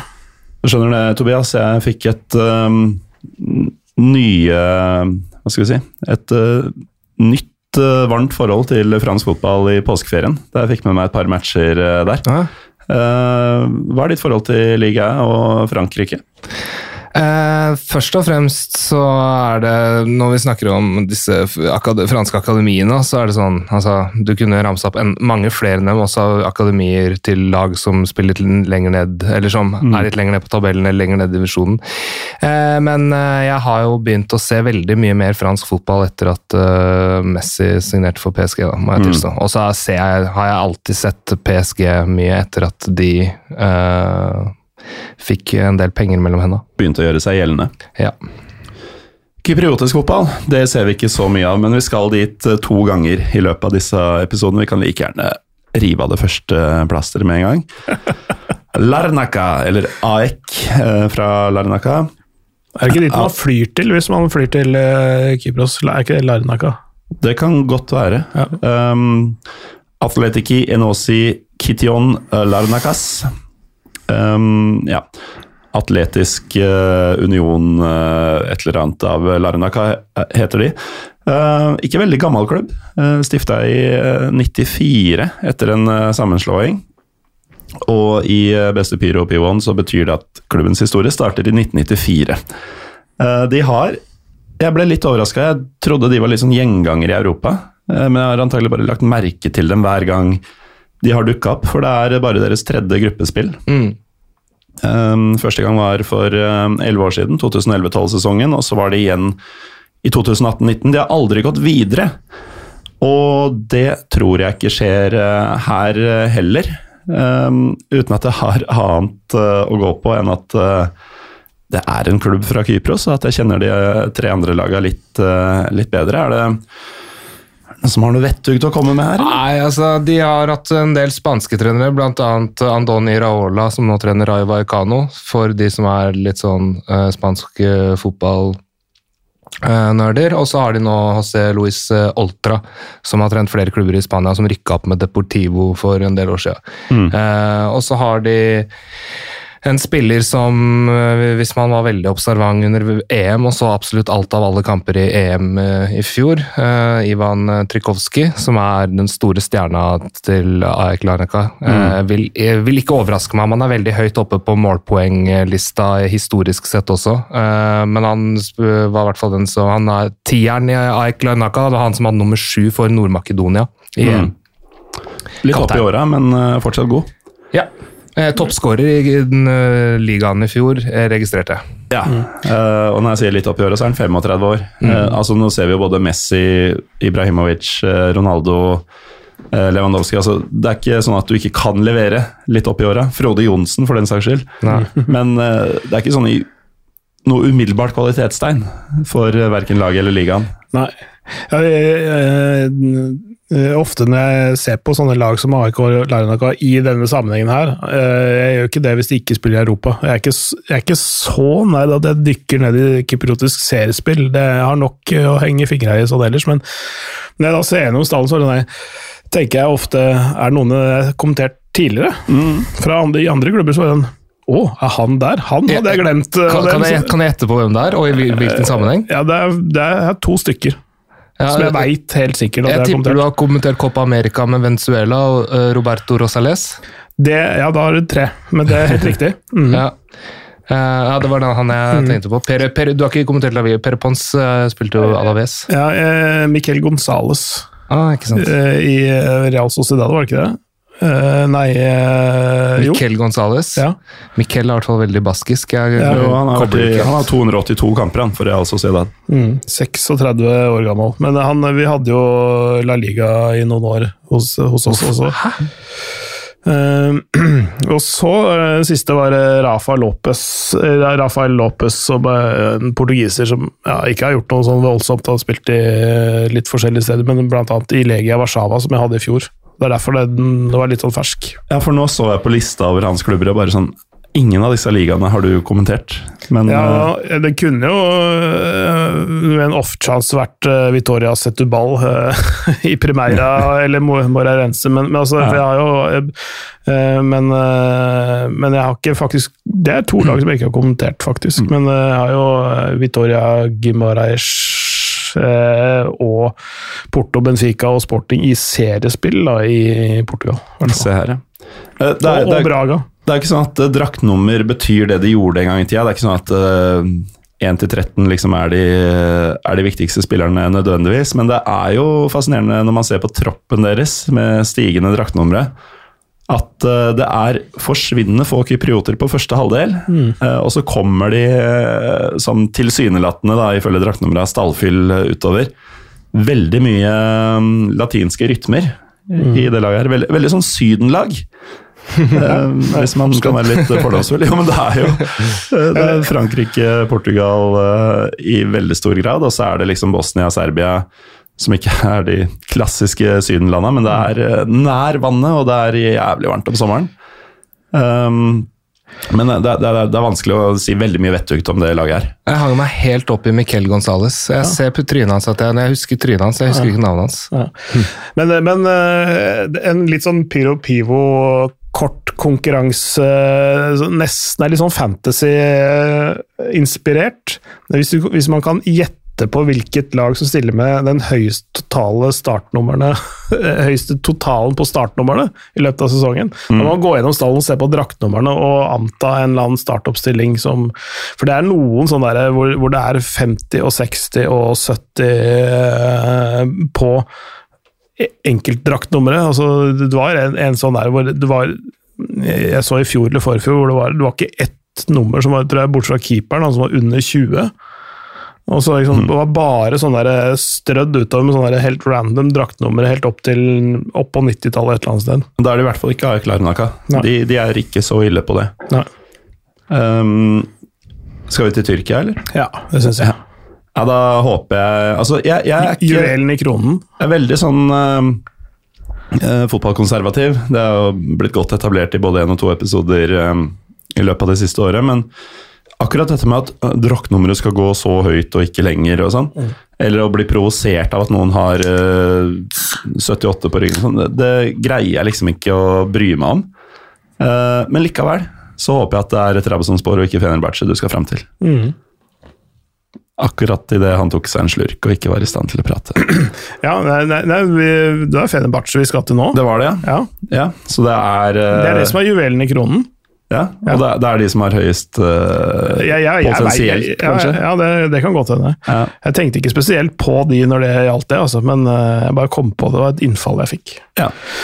Nei, men det er, det er en grunn til at um, jeg har spart dem og Dynamo Kiev til slutt. Fordi det er en så sjuk trekning at de havna i samme gruppe. Er det noen som uh, veit hvorfor? Ja. Det er ganske ufint. Tredje, Ja. tredje runde i eh, Champions League-kvaliken, var det ikke da de møttes? Jo. Eh, Eller ja. andre? Hvis eh, andre, tror jeg kanskje det Det var andre, tror jeg. Ja. Ja. Det var det. Um, det, det er jo ikke sånn at Fenerbahçe-supportere har ikke sånn det beste ryktet i hele verden i utgangspunktet. Men man tenker jo at at man har på en måte litt skam da, og litt grenser som man ikke krysser, og kanskje litt At det fins et hint av uh, menneskelige verdier, man, sånn verdigrunnlag. Og så skårer uh, Dynamo Kiev et seiersmål i, uh, i Champions League-kvaliken i Istanbul. Gjennom en fyr som var på lån i Fener for noen år tilbake, for øvrig. Feiringa blir ikke tatt godt imot. Publikum, og da er det ikke sånn 20 idioter i et hjørne. Det er ganske mange tusen, sånn videoen viser det. Som uh, roper sånn hånende i takt 'Vladimir Putin, Vladimir Putin'. Til da et lag hvis altså Jeg nevnte tidligere, de er i eksil. De, de holder til i Krakow nå.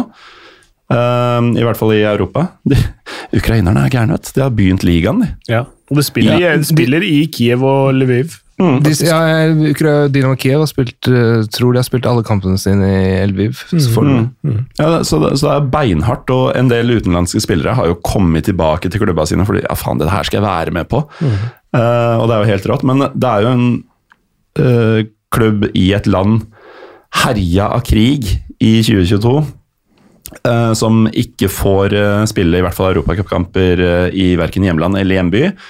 Uh, som helt sikkert har familiemedlemmer, venner, som i det beste fall er drevet på flukt, kanskje drept, kanskje er de i krigen.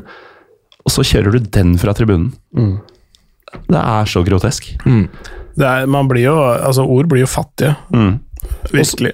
Og så, ja, og så prøver jo Fenerbahçe å sette ord på ting, da, med å komme med en slags det blei jo ikke en beklagelse heller, det ble en forklaring. En redegjørelse. En, en non-apology, mm. som de kaller det. Ja, ja det var non-apology if ever I saw one. Altså. Mm -mm. Men hva tenker du om det som Hvis jeg kan spørre deg om det, Morten. Du som, er, eh, du som har en tilknytning til uh, Fenerbahçe. Ja. hvor skuffa blir du over det? Nei, altså, jeg blir jo utrolig skuffa.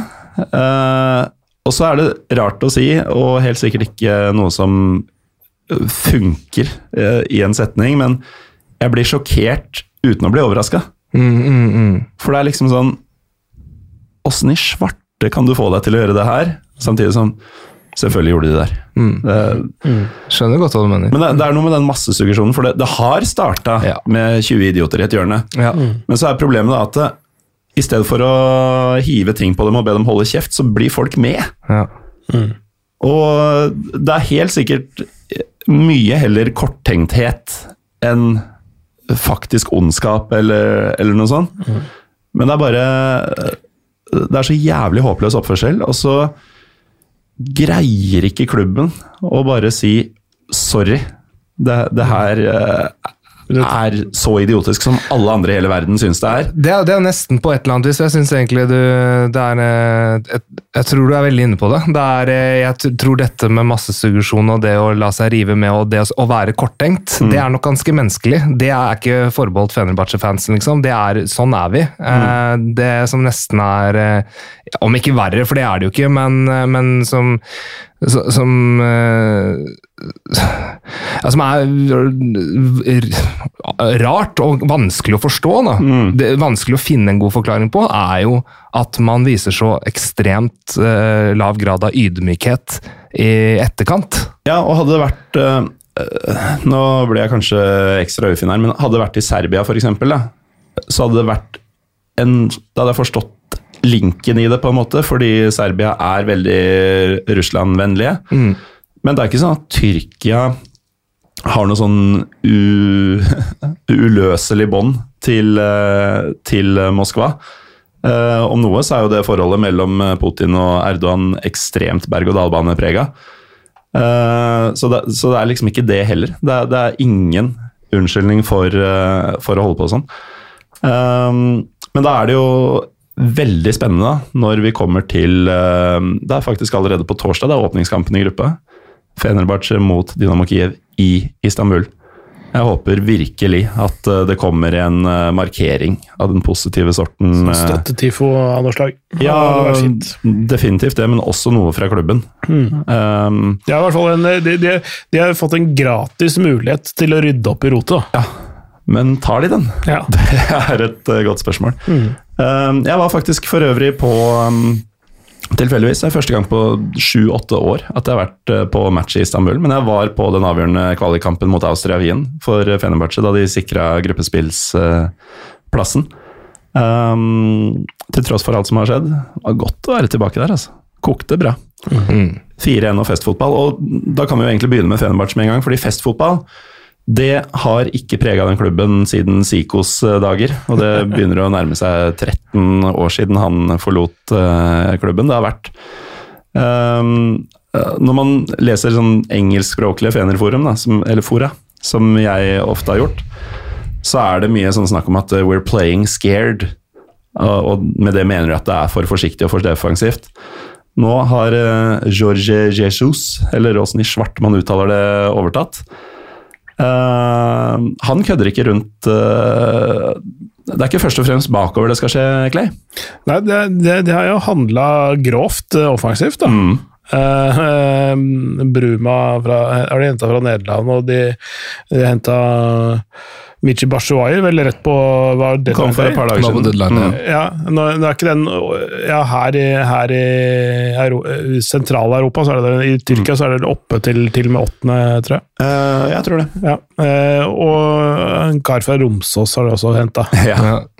Uh, og han har gjort det bra så langt. Mm. Jeg var um, svært skeptisk. Tenkte her har vi sånn prototypen på avdanka, egentlig ikke så god i sin prime heller, Mm. type spiller fra større liga. Men uh, han uh, virker som han tar dette på alvor. Det som er greia med King, er jo at han, eh, når han har eh, eh, sånne bølgedaler, altså når han er eh, i dårlig form og sånne ting, da, så er han i hvert fall hardtarbeidende. Så han gjør alltid Laveste nivået hans blir ikke for lavt, da, fordi at han legger inn eh, så mye innsats eh, eh, uten ball. Eh, men eh, ja. Og det, og det veit jo å verdsette i Tyrkia. Det er litt, det er litt sånn som mm, det var med Alexander Sørloth også, som gjorde at han ble Ja. en så, så stor helt. Det var jo sånn, Han, han skårte ja, riktignok rik, ganske mye mål, og han gjorde det mm, så ganske sånn jevnt og trutt. Han hadde jo sånne dips, men han, han, han var ikke en sånn derre Mm, luksusspiller på noen måte. Jeg kommenterte et par av kampene når han spilte i Trabzonspor. Uh, og du, du, du så at han jobba knallhardt over hele linja, og det, du, du hører det også på publikum. Når liksom ballen er i nærheten, eller når de eh, tar ballen, eller de, de, de jobber med i presset, så hører du at de verdsetter den innsatsen de legger ned. Mm. Eh, mye mer sånn direkte på det der, kanskje, enn mange andre steder, faktisk. Veldig Martin, sånn, Lin, Martin Linnes òg, er et godt eksempel på det. ja. Den der blø for drakta-greia som vi Ja. ofte snakker om i Norge, den er ganske ekstrem i Tyrkia. Og spesielt i motgang. Eh, da ser de veldig uh, hvem som jobber og hvem som ikke jobber. Um, Men eh, bare for å spille videre på det eh, du snakka om med Fenerbahçe, med, som hadde Vitor Pereira eh, som, som var stikk motsatte. ja, som var virkelig en sånn type som at man ja, playing scared og, og, og, og sånne ting. Eh, vi diskuterte jo litt på Twitter, Morten, eller jeg lurte litt på hva du syns om Jorge Jesus eh, inn. Ehm, men det er jo eh, er en av de mm, største trenernavnene Fenerbahçe har fått inn på ganske mange år. Kan, kanskje ja, siden Aragones, kanskje? Jeg vet ikke. Uh, var han jeg hadde i tankene også Ja. da du, da du prata nå. Ja. Han, han funka jo ikke overhodet, for øvrig. Uh, kom rett fra EM-gull med Spania til Istanbul og Det, det må jo selvfølgelig ligge noen sånn fotballgreier i bånn, da. Eh, Selvfølgelig når du skal være trener for et såpass stort lag og såpass bra lag, men, men, det, men du, du kommer ikke Jeg tror ikke du overlever i den jobben hvis du ikke har masse følelser og viser det. Altså, du kan ikke være sånn, sånn som holder Du kan ikke være sånn som holder ting inne. Du må, du må være litt sånn, litt sånn ut med arma og, og, og være litt sånn fysisk aktiv, som visuelt aktiv. ja. Fyren er perfekt for tyrkisk fotball. Ja, altså det, det, Jeg så han jo eh, fra sidelinja der, og han, han er ikke mye inne i den boksen sin. altså. Nei. Det- var det som gjorde at jeg tenkte at Sampaoli og, og Marseille var en perfekt match. Fordi de, de trenger altså, Marseille er på, på en måte nesten en slags sånn tyrkisk klubb i Frankrike. Eh, hvor all, alle disse følelsene ligger så uh, utapå. Eh, og det, det funka jo. Det, altså, matchen mellom de to var go gode, men det var backing på transfermarkedet som gjorde at Sampaoli trakk seg på forsommeren her. Men Sampaoli hadde også vært en, fin trener å ha i Tyrkia, tror jeg. Han hadde matcha det, han har liksom det temperamentet. Ja, men det er litt sånn at publikummet, mm, altså både i Marseille og i Tyrkia, da, og for så vidt Portugal og Brasil, som, som Jesus også har uh, trent i um, Når du har veldig uh, følelsesstyrt publikum, og føler at treneren på en måte er en av oss, uh, at han føler det samme, at du, du får liksom den viben av eh, åssen han holder på, hva han sier og hva han gjør. Ja, det, det, er sånn der, det, det er nettopp derfor Sampaoli funker i Marseille, og ikke en sånn som Rudi Garcia gjør det. fordi han, er, han, er, han ser like gæren ut. Han har uh, feite bicepser med, med masse tattiser på. ikke sant? Mm. Så, så, Han er like tatovert som fansen, det er det Sampaoli er. Mens du har Rudi Garcia som kommer med sånne høyhalsa genser og, og sånn. Det, det, det er, hører ingen hjemme på, i, i, en sånn klubb, ikke sant? Nei. Det er vel, det er vel nettopp det. Han der, Hva heter han? Uh han sportsdirektøren eh, Pablo Longoria? Ja, Det er ikke det han har fått kritikk for, da? Fordi at han er for uh, akademisk og for Ja, altså selv strigla ut. Ja. Uh, du, kan, du, du, kan, ta av deg slips og kneppe opp en knapp, i det minste, og rufse til håret litt, holdt jeg på å si. Mm. Altså, ja, Han er litt for glatt for liksom på en måte være klubbens ansikt utad, for det, det, er ikke sånn de er. Det er ikke sånn Marseille er. Nei. Uh, og så er det jo den der klassiske altså En ting vi kan ta med om denne treneransettelsen, er jo at uh, han har jo faktisk fått uh, Vi var inne på det, de, de har gått ganske bananas på overgangsmarkedet i sommer. Men det er jo han som har fått inn spillere han ønsker seg. så dette er jo tydeligvis et prosjekt som det er ganske høyt spill fra en ganske desperat klubbpresident, Ali Koch, som eh, ble valgt inn eh, til altså det, var så enorme jubelscener med bluss i gatene, sånn, nesten som om du feirer uh, seriegull eller større, da han ble valgt som president for noen år siden. For nå skulle alt ordne seg. Sånn En av Tyrkias mest vellykka forretningsmenn. og sånn. og så har det jo selvfølgelig skorta, har ikke klart å hente titler. så nå virker det som om det er sånn Nå gir vi alt for at nå skal vi få det til ett ligagull nå, så roer folk seg, roer presset seg, alt mulig sånn. Og da har man da gitt uh, Jesus omtrent uh, frie tøyler her, og det, dere ser jo at det er jo en masse brasilianere og portugisere, og en portugisisktalende italiener blitt, uh, i Jao Pedro, mm. som har vært litt skada i starten. Jeg er litt usikker på om han spilte noen europacupkamper i, i sommer, men hvis ikke, så debuterte han i hvert fall i ligaen nå i helga med scoring i mm. første omgang. Mm. Um, det er jo flere der som drømmer om at han skal bli en ny Alex de Sosa, ja. uh, for dem som husker han. jeg husker fra Cagliari i min uh, Pedro? Fra, ja, fra mm. mine seriadager, holdt jeg på å si. Mm. Og andre det Igjen, sånne folk som dukker opp. Å, er han der? Uh, Alioski, for eksempel, som jeg kommenterte i Leeds i sin tid. Ikke ja. en, uh, for ikke så lenge siden. Ja, det har vært et år i Al-Ali, tror jeg. Mm. Og, og Luan Perez er, er der, og liksom, det, er, det, er, det, er, brukbare spillere i alle ledd der, altså. Ja, og noen av de man kanskje ikke har hørt om fra før, da, sånn som William Narao. Mm. Eh, kommer rett fra brasiliansk fotball. Knallhard, men relativt eh, spillende defensiv midtbanespiller. Mm. Uh, som jeg så de signa han i sommer og bare trakk litt på skuldra fordi jeg vet ikke hvem dette er. Mm. Uh, han kommer til å vinne mange hjerter i Fenerbahçe og mm uh, vinner veldig mye hat fra motstanderne. Mm. Er, um, han er ikke helt Filipe Melo, Nei. men uh, Nei, Det skal litt til. Men han er, ikke, han er, ikke, noe digg motspiller, altså. Åssen har Osayo Samuel vært der? Jeg husker han bare fra Quiz Park Rangers-tida. men... Ja. Litt sånn manko på sluttprodukt, mm. uh, men dritpopulær blant publikum fordi han er så rask og glad i å drible. Mm. Så han er jo morsom å se på. Mm. Uh, men det er liksom det er mye fine driblerier, og så blir det enten blokkert, eller så kommer det et innlegg uten helt riktig adresse og sånn. Mm. Men uh, han er um, Han er sånn andrevalg, vil jeg si, på mm. høyre wingback. Mm. Uh, bak uh, Ferdi Cadeolo, som de har ja, slitt med å få fram, egentlig. Han mm. sleit med å ikke få um, Han ble jo henta fra Nederland som et kjempetalent for en del år tilbake nå, fire år tilbake. Og har eh, inntil i fjor egentlig ikke fått den spilletida som publikum har ønska, og som han selv har ønska seg. Og så var det noe som klikka andre halvdel i fjor. Hvor han fra Feyenoord, eller det? Nei, NSC. Oh, Nei, Meren. Jeg også tenker Feyenoord når jeg hører han. Ja, er det, Hvem er det jeg tenker på hva jeg blander med?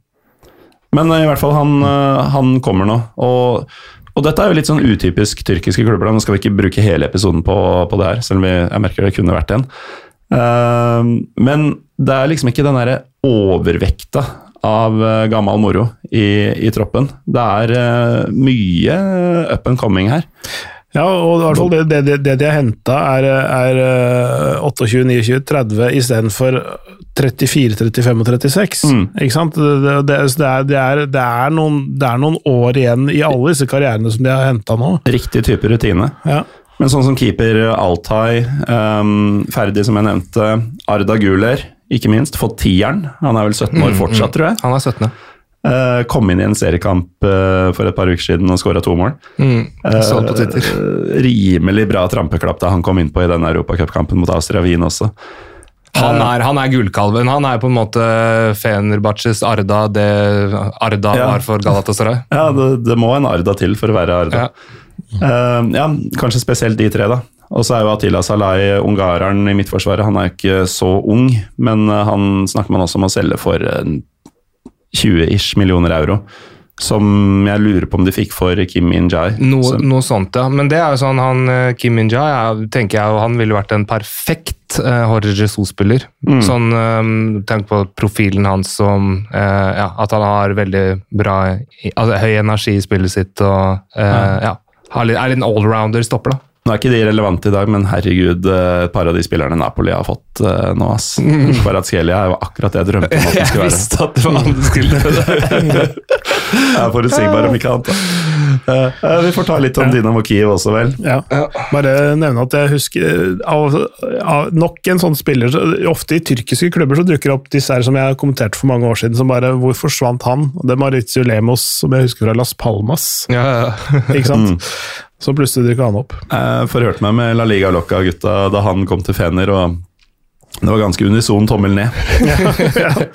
Han er heldigvis ikke en starter, men uh, han fikk faktisk starte den matchen jeg så. Så mm.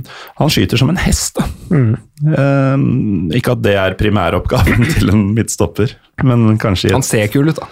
Han ser kul ut og skyter hardt. Um, og det får være det. Eh, dette Dynamo-laget de ble jo da nummer to. Eh, de, de vant jo året tidligere for første gang på en stund, men nå var eh, parity restored, som man sier. Og um, Sjaktar er igjen ligamester i, i Ukraina. De Altså, det, det er ikke mye utenlandske igjen i den troppen. Nei, det er ikke det. Det, det har jo sine grunner. Um, Luchescu eh, trener laget. Han, var, eh, han kommer også til å bli interessant å se hvordan han eh, håndterer eh, Istanbul-publikummet, for han var en av de første ute til å rive dem i filler på pressekonferanse etterpå.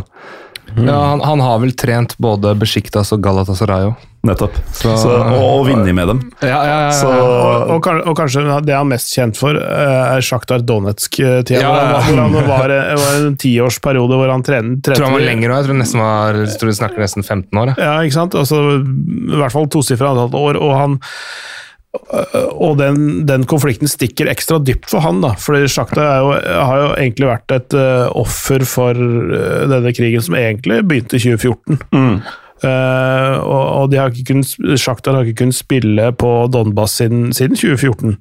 Uh, eh, så de har, nesten, de har jo åtte år i Ikke utlendighet, men altså de har spilt i Lviv og Kharkiv og, og, og, og Kiev og, sånn.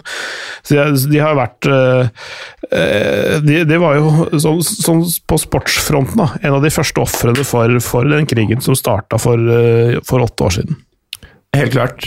Um, når vi ser på laget til eh, Dynamo, så er det jo altså Det er en stor del av stammen i uh, det ukrainske laget som vi så i EM uh, i fjor. Um, og det er jo en del sånn Dette er laget som uh, utvikla um, Vitalij Mykolenko, som ble solgt til Everton i vinter, Tror det var som vinter, var, vel. Mm. Eh, gjør det stadig bedre der, ut fra mine rapporter, holdt jeg på å si. Som er overfladiske Twitter-meldinger fra Zoria Londonsk. Mm. Um, men bra talent, det. Og, det. og det er flere igjen her som, som kan bli noe, selv om man venter litt på eksplosjonen. da. Eh, både Sjaparenko, Tsihankov ikke minst, og Supriaha har jo vært, i hvert fall fra ukrainsk hold, venta å bli liksom eh, den nye Jarmolenko osv. Og, så Mm. og så har ikke det skjedd helt ennå. Eh, men det er mye, mye ukjent talent i det laget her. Og veldig fort gjort å undervurdere, tror jeg. Ja. Og de spiller jo virkelig med hjertet utapå drakta nå.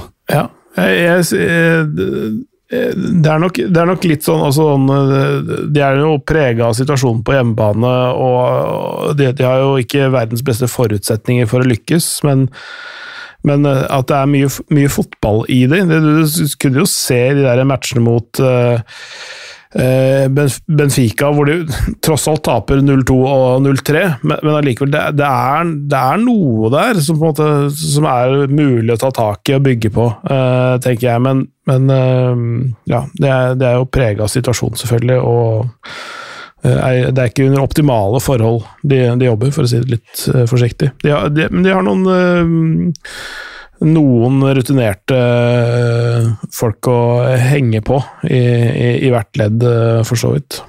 De, jo, eh, de, hadde jo en spiller forrige sesong som het Ilja Skurin. Som de, hadde, som de hadde på lån fra CSKA Moskva.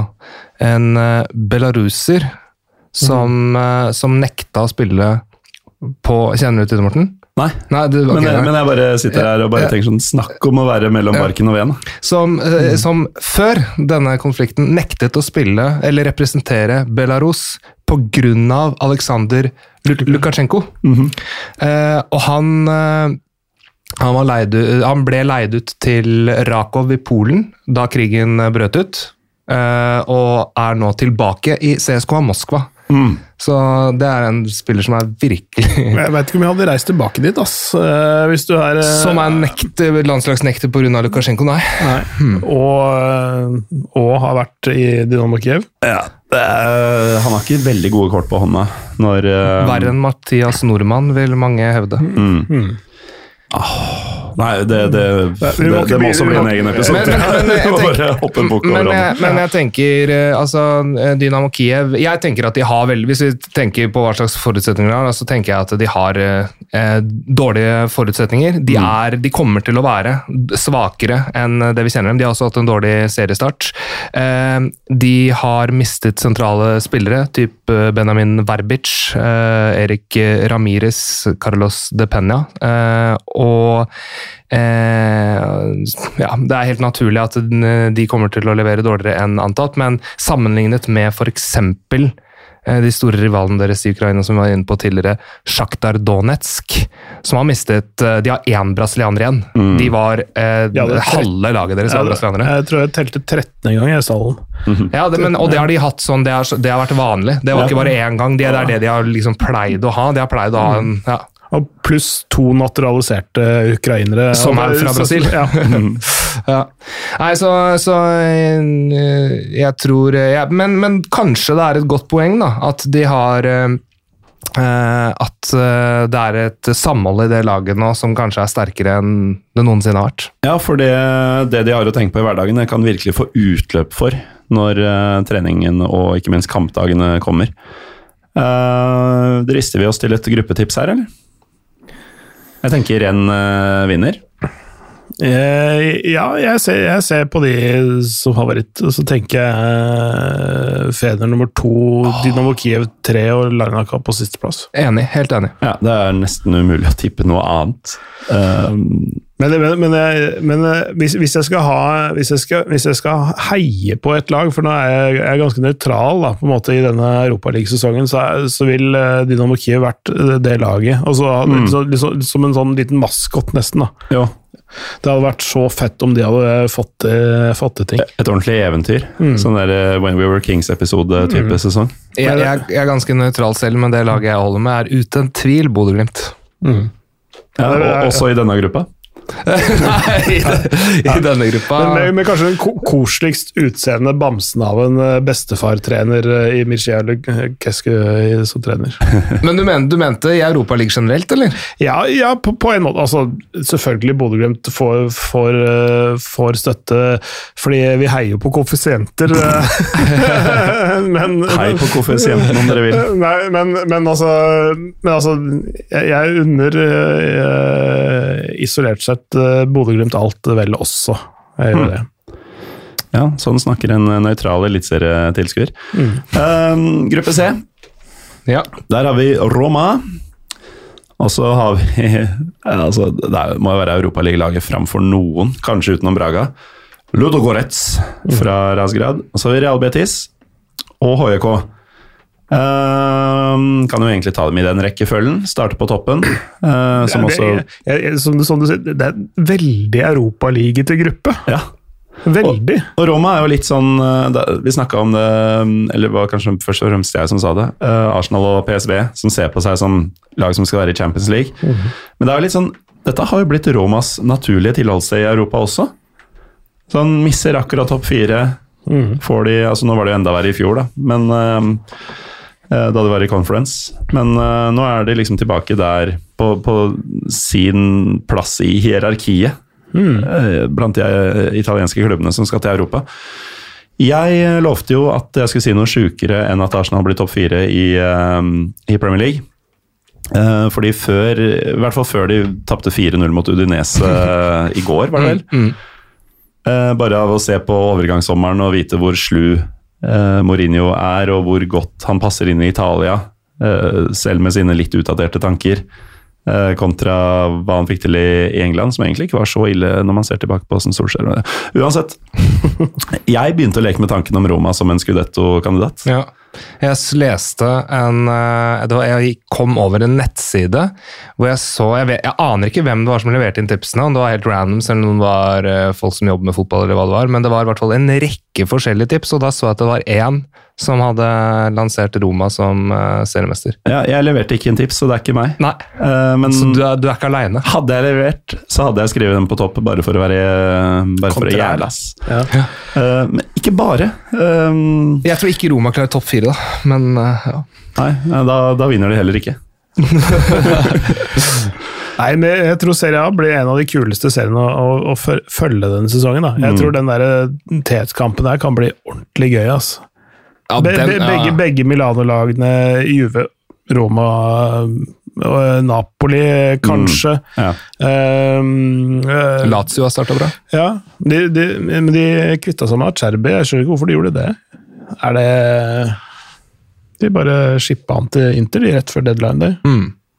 Tenk å være Roma-fan og høre på dette, så diskuterer vi overgangsvinduet til Lazio. Ja, vi, vi skal- kan ta Lazio, de, de kommer jo etterpå. Kan vi ta det da?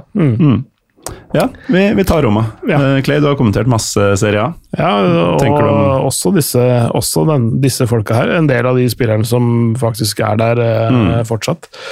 Eh, nei, det, det er jo hvis, hvis, hvis du det, det er jo mange klubber som har sine, sine spesielle ting ved seg, men det er, det, Roma er en spesiell klubb, ass. Ja, det er det. ass. Uh, og jeg tenker, hvis noen har sett den der videoen hvor Dybala ble tatt imot Ja. som uh, nysignering Ja. Det er helt, det er, det er jeg, får, helt jeg, får, jeg får gåsehud når jeg snakker om det, men, Ja, men, det, men det er sånn det er derre. Det er eh, ja, for en klubb. For en, altså byen er jo ja, noe, av det, noe av det fineste jeg har vært på besøk i, for å si det sånn. Ehm, eh, altså kulturen og tradisjonen og, og sånn. Men de har jo slitt i noen år, da. Eh, de har jo hatt en eh, De har eh, sånn post Totti og De Rossi egentlig liksom slitt med å finne seg sjøl lite grann. Ja. Eh, Men jeg f føler også at det er en, så blåser en liksom, sånn, fin vind over det nå. Og- Det gjør det. Jeg er, det er jeg helt enig i. og, og at det, det, det liksom eh, begynner å liksom få på plass noen elementer som på en måte eh, Føler at det er et, et lag igjen, da. Eh, selv om du kanskje ikke har det, de store Du har ikke de store ledestjernene som Ingen kan jo måle seg med Totti, selvfølgelig. Ja. Eh, eller De Rossi, for den saks skyld, men, men det begynner å ligne, ligne på noe. Det begynner å, prosjektet begynner å ta form, føler jeg, og det, og det virker som om Mourinho er den perfekte treneren for det også. Og, og bare det hvis, når du har et prosjekt som er på vei fra, opp og fram, og med Mourinho som trener, så tenker jeg at dette her, det, det må jo bare bli gøy. Mm. Tenker jeg, da. Jeg, jeg er veldig veldig skeptisk. Altså det, er, det er enig. Jeg kan ta første. da. Det er helt enig med deg, Morten. At de har hatt et eh, ekstremt bra overgangsvindu. Og i forlengelsen av det du, sier, uh, Pål Thomas, er jo Syns jeg Tiago eh, Pinto, sportsdirektør, og Friedkin og Altså, eller Friedkin eh, Virker som at de samarbeider bra. Det virker som at Roma faktisk har eh, eiere som har klubbens eh, eh, beste mm. i, i, i, tankene. Eh, det jeg er usikker på, er jo eh, Mourinho. Jeg syns ikke han leverte noe særlig eh, verken Tottenham eller eh, Manchester United. Eh, og jeg er usikker på om han har det han hadde som gjorde han så bra eh, for 10-15 år siden. Om det er at han har gått sur, eller at metodene hans er utdaterte, eller at han At det eh, dette, pedagog, disse pedagogiske ferdighetene er så viktige i dagens fotball, og at Mourinho eh, ikke har dem i tilstrekkelig grad. og Da tenker jeg på eh, hvordan, han, eh, hvordan, han, fremstår på pressekonferanser, eh, særlig i tap og, og sånne ting. Mm. Så det er, det er, det er mitt aber, men Roma har hatt et ekstremt bra overgangsvindu. Veinaldum, Belotti. De har ikke bare det, men de har også fått Spinazzola tilbake fra skade. Så de, stallen deres ser be mye bedre ut i år enn forrige sesong. Mm. Altså, Trengte dere duoen Belotti-Dybala for ja, fire år siden? Fem år siden? Mm, mm. Det er for, ja, for Belotti har jo tapt seg. Det er jo det er lenge siden han bøtta 20 pluss mål i serien. Ja. Jo, men altså eh, Jeg tror han har stagnert veldig av å bli i Torino. Mm. Uh, og at uh, Han trengte jo et klubbskifte, det gjorde han antagelig for et par år siden allerede. Mm. Uh, men nå har han fått det. Så får vi se da om det er en del uforløst energi som kommer ut, eller om han bare ikke er bedre. Men jeg tenker jo at det på sportslige potensialet som ligger i å ha to eh, inverterte vinger i Pellegrini og Dybala med eh, Tammy Abraham, da, som ser ut til å være starteren eh, på bekostning av Belotti på topp, og da med eh, Spinazzola og Karpstorp, er det det heter? Han, Karstorp. Karstorp, ja. Mm. Karstorp. Karlsson. Eh, ikke, ikke, ikke, for å, for å, for å, ikke, for å, snakke opp han så veldig, men særlig da Spennende Stolla. Eh, ja, det, det syns jeg potensielt sett ser veldig spennende ut, men det som jeg har savnet med Mourinho-fotball, er jo at det, det de hadde at, Da han trente Chelsea, da, way mm. back, den gnisten Altså den Ja. Den derre energiske fotballen, mm. den, har, den har jeg bare sett i Glimt mm. de siste årene med Marino. Og ikke mot Glimt, bortsett fra den ene av de fire kampene. Jeg venta på det, jeg venta på et eller annet. Jeg så du Men, ja, men, men, men jeg, jeg, ja, jeg er enig i at de siste to jobbene i England ikke var all verden. Uh, og der ble det Han gikk jo sur. Men, men jeg syns han virker som han Ut fra hva det lille jeg har sett da, av intervjuer og sånt, det virker som han han er mer tilfreds nå. Han har fått sånn roen over seg på en eller annen sånn rar måte. At han, liksom, han snakker også om at det er kanskje den siste jobben han gjør ikke sant, i trenerkarrieren. At, eller i hvert fall trenerkarrieren hans nærmer seg slutten. Mm. Og at han liksom er liksom Og jeg tror matchen mellom Mourinho og Italia er mye bedre enn Mourinho og England, uansett. Mm. Eh, jeg tror temperamentet og ja, alt, egentlig, det klikker bedre med han i Italia. Det tror jeg du har helt rett i. Men jeg syns jo Jeg jo, lurer jo på dette med at han har blitt så lugn. Og så nesten litt sånn derre Ja, om man mister edgen, liksom? Ja, ja. Altså, er, eh, er det bra for eh, Mourinho? Burde, er, er Mourinho på sitt beste når han er totalt uspiselig ja. og stikker mm. fingrene sine i øynene på motstanderlige trenere. Han, mm. kanskje, han, kanskje det, ja, Nå var det ikke han, da. Det var jo eh, Nuno Santos som uh, gikk i Men kanskje det var han som burde gått i klinsj med Knutsen. Kanskje det hadde vært et sunnhetstegn for Mourinho sin del. Mm. Kanskje. Men samtidig så er det jo ekstremt Mourinho å sende noen folk for å gjøre dirty work. Da. Ja, da for, det, for, det, var ikke en situasjon som oppsto organisk, dette her. Det var nøye kalkulert. Nettopp der, det, det, er litt av det jeg mener med kynismen ja, ja, som Bodø-Glimt ikke altså de, de, de, skjønte ikke, de skjønte ikke hva som traff dem nei, nei. i det hele tatt. Ah, det var nydelig. Mm. Uh, håper det skjer. Det var, det, var, det, var, det var veldig søtt, da. Men uh, ja, kanskje de er mer forberedt på det nå. Mm. Um, vi, må, vi, må, videre, for vi, vi bruker jo alltid uh, lengre tid enn vi tror på dette her. Ja. Uh, vi um, eller, Først så vil jeg jo si, Clay, du har jo sett mye Lill, helt sikkert. Mm. Uh, Seki Celik ja. kan kanskje ta den plassen fra Karstorp? Eller? Ja, det tror jeg mm. Jeg skulle til å si, si det i stad, faktisk. Ramla, ramla, ut på et eller annet tidspunkt. Men, men ja, han, han, er veldig, veldig stødig angrepsvillig eh, høyreback, men eh, samtidig solid defensivt òg. Mm. Vi, vi blæster gjennom et par lag her, eh, tenker jeg. Altså, Ludo Goretz er alltid med. Har man hørt på disse episodene noensinne før, så er det egentlig ikke så mye mer å si enn at uh, nå er det nordmann med. Ja, Aslak von Witteri. Gikk fra Aset uh, helt på tampen av vinduet, vel? Gjorde han ikke det? Eller jeg husker ikke. Jeg, jeg, bare, jeg hørte aldri at han forsvant dit, og så fant jeg Jeg skulle søke han opp på, på, av et, en eller annen grunn. Så, jeg spiller ikke han i Aset, da? Og så var det sånn Nei. Ludogorets, gitt. Og det var uh, 30.8. den uh, overgangen gikk gjennom. Så det var på tirsdag i forrige uke eller sånt. Ja, det, det er jo en heller merkelig overgang. Jeg tenker sånn Ranheim eh, til, eh, til Djurgården til Ludogorets hadde vært en ganske rar greie i seg sjøl, mm. men mer forståelig enn å ta det via Nederland. Mm. Eh, og, og, havne i byen Rasgrad eh, når du er egentlig i din beste alder også som fotballspiller. Mm. Eh, det heller, eh, heller, spesielt. Ja, jeg, jeg, jeg stusser over sånne type overganger. Mm. Har det da jeg tenker sånn, Da har du gitt opp utvikling, tenker jeg. Her skal du begynne, skal du begynne å samle erfaringer og, og, penger, kanskje til en viss grad også. At tenker på opplev opplevelser, liksom? Ja. ja. At du tenker at nå, jeg har maksa det. Jeg, jeg, orker ikke å legge ned noe mer enn dette. Nå skal jeg bare holde på dette nivået karrieren ut. Det kan jeg, jeg, vi, jeg, nå For å være litt djevelens advokat, da, men ja. det kan jo tenkes at uh, vi vet ikke hva slags tilbud han fikk. Nei, uh, og Ludo Goretz er jo et lag som uh, ofte spiller i Europa, så ja, da får du i hvert fall det. Ja. Mm. Men, men, men, men, jeg, skjønner hva du mener.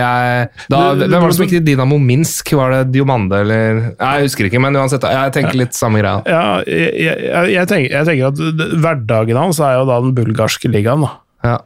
Eh, så, så, spiller du eh, ja, to kamper mot Roma og to mot Real Betis. Men det er ikke veldig eh, spesielt å dra og spille mot HJK, tenker jeg. Men, men altså, det, er fire kamper da, eventuelt han går dit for. Det er ikke fordi at han er synes at den bulgarske ligaen er veldig spennende, eller et eller annet sånt. Så må jeg jo Kanskje de lurte han med å si at de lå langs kysten eller i Sofia? Ja. For det gjør de virkelig ikke. Nei. Nei, det er ganske langt unna. Eh, eh, men, men de, de, har jo hatt noen sånne minneverdige eh, si, øyeblikk ute i Europa. Mm. Eh, det, det, noen år siden det var en forsvarsspiller som gikk i mål. Det var en sånn avgjørende playoff-kamp tror jeg, hvor en forsvarsspiller gikk i mål og redda et straffespark. Ja, jeg husker det. Eh, og det var eh, det har jo vært eh, Det har jo vært de kvalifiserte seg for Champions League. Da var det mot uh, Fader Jeg skal prøve å tenke ut hva det kan ha vært. Men, det, men de, de, spiller jo gjerne europacupkamper ikke i Raskat heller. Uh, at det har vært litt sånn, uh, eller i hvert fall har eksempel på at de har spilt i Sofia og sånt. Så det er sånn der, De spiller jo ikke engang på hjemmebane når de spiller i Europa. Uh, har, har det vært, i hvert fall, da, tidligere. Mm. men, men, men men igjen, da. Det er, et, e, det er, jo et, eventyr, på en måte. Altså, det, jeg har vært i Bulgaria, det er ikke noe gærent i det i, i seg sjøl. Og, og, det kan være spennende nok, det. Det er jo Det er kjempeland å besøke. Ja, jeg har bare hørt at Razgrad er ikke det. Ja. Kan det ha vært mot uh, Stoja Bucuresti? Det kan, eh, det kan det ha vært. Jeg, jeg, jeg, husker ikke, men det er i hvert fall en sånn Skal jeg kalle det en seks-sju ja. år siden eller sånt. Riktig. Der, ja, noe sånt. Ja, ja, jeg mener Ja, greit, samme det. Vi har, vi har vært innom uh, et par klubber hvor det er mye portugisisk uh, å høre i garderoben. Det er det jo her også. Mm. Men jeg teller i farta Um, spillere 35 nasjonaliteter. ja. Jeg tenkte på spillere som kan potensielt spille for fem forskjellige landslag. Oh, ja, ja. Alle hvis morsmål er uh, portugisisk. Ja. Du har nemlig den naturaliserte Chichinho, som har landskamper for Bulgaria. Uh, du har uh, opptil flere brasilianere. Eh, Du har eh, i hvert fall én portugiser. Du har eh, Show fra Angola, og du har eh, Jorginho fra Guinea-Bissau. Det er høyst uvanlig. Jeg kan jo også nevne før vi går videre til HEK at uh, nummer 21, uh, forsvarsspilleren eh, Jan Karnicnik, han er uh, muligens ikke tilgjengelig, uh, får vi håpe, fordi han eh, står fast i en sånn Fifa-godkjenning eh, med en overgang til Lillestrøm sportsklubb. Er det sant? Ja. Slovensk landslagsspiller eh, fra et lag som spiller jevnlig i Europa. Hvis den, Yes. Eh, hvis den går gjennom, så blir eh, sportsklubben kraftig forsterka defensivt utover høsten. Inshallah. Inshallah. Um, HEK de um, har begynt å spille Europacup igjen. Uh, det, når var det de var i Champions League, sa du, Tobias? 98-99? 98-99, det er eneste gangen de har deltatt også. Ja. Kan du si hva HJK står for? Da må Jeg jeg kan si det, jeg har det her. Ja. Hel- Helsingin Jalkapalloklubi. Ikke sant? Det er ikke verre, vet du. Eh, vi møtte jo uh, ikke HEK, men SJK i, um, i uh, europakvalik med Lillestrøm uh, i sommer. Og da, det var en klubb fra Seina Jokki, men det var Seina Joen som var S-en i klubben. Akkurat som det ikke er Helsinki, men Helsingin. Uh, så det er sikkert sånn type Ålesunds ballklubb-variant. Um, dem så jeg faktisk i, um, i sommer, mot Victoria Pilsen. Dagen før vi dro videre til Seina Joki for å oppleve tidenes bortetur med fugla. Eh, da ble de veldig eh, utsatt for eh, rutine og kynisme fra Victoria Pilsen, som virka som de bare De vant vel bare 2-1, men det var noe sånn veldig tydelig at her gjør vi akkurat det vi må for å få et bra resultat. Og bare frustrere ut matchen, på en måte, mot HEK, som bare De, vil spille sitt spill, får ikke lov. Eh, fascinerende å se på. Og det er jo ikke første gang de har blitt utklassa i Europa, fordi de var jo i uh, Conference i fjor. De har for øvrig vunnet nytt ligagull i Veikasliga, det er jo Finlands største klubb, dette her. Uh, men de spilte fire kamper i gruppespill i fjor mot Lask fra Østerrike og Makabi Tel Aviv fra, uh, fra Israel. Ikke sånn superskremmende klubber på papiret. De tapte disse fire matchene og hadde 0-13 i målforskjell. Um, ble likevel ikke sist i gruppa fordi de vant begge kampene mot Alars Kert fra, fra Armenia. Um, Det, det er det er et så interessant knippe av, eh, av eh, importer i klubben sin. ja. Conor Hazard, som er som tidligere reservekeeper i Celtic. Bare 24 år gammel, da, men, men han, eh, det er førstekeeperen deres. Mm. Um, og så har du han uh, Lab, som er fra Schalke. Ja. Um, Han har jo vært i sånn Bundesliga-diskusjon. Jo, og han var i nedrykkssesongen i, eh, i 2020-2021. Det husker jeg, da, kommenterte jeg noen ganger. Det var sånn der, Dette er en, ganske spennende spiller, hvorfor bruker de ikke han mer, tenker jeg. Liksom, I et lag som faktisk eh, er på vei ned mot avgrunnen, og så bruker de heller de som ikke får til ting. Og så kommer han inn og liksom faktisk evner å bidra litt. Da. Han hadde tolv kamper han, i den nedrykkssesongen der. Eh, Han er bare 23, men men så tenker jeg, hvordan finner du veien til HJK da? Altså, så, altså ja Du må jo ha alternativer. Ingolstadt var ikke stedet å være, det skjønner jeg, mm. for han var der imellom, da. Men, men, men som, som, eh, som, som marokkansk fotballspiller, ja, født i Tyskland selvfølgelig, men, men med marokkanske aner og har spilt i Schalke, var på, litt på vei til å få et gjennombrudd, men ikke fikk det. Får det ikke til i Zweite med Ingolstadt, og så ender det opp i finsk fotball. Det må jo være en mellomting mellom de to øverste divisjonene Ja. i i Tyskland og Finland. Ja.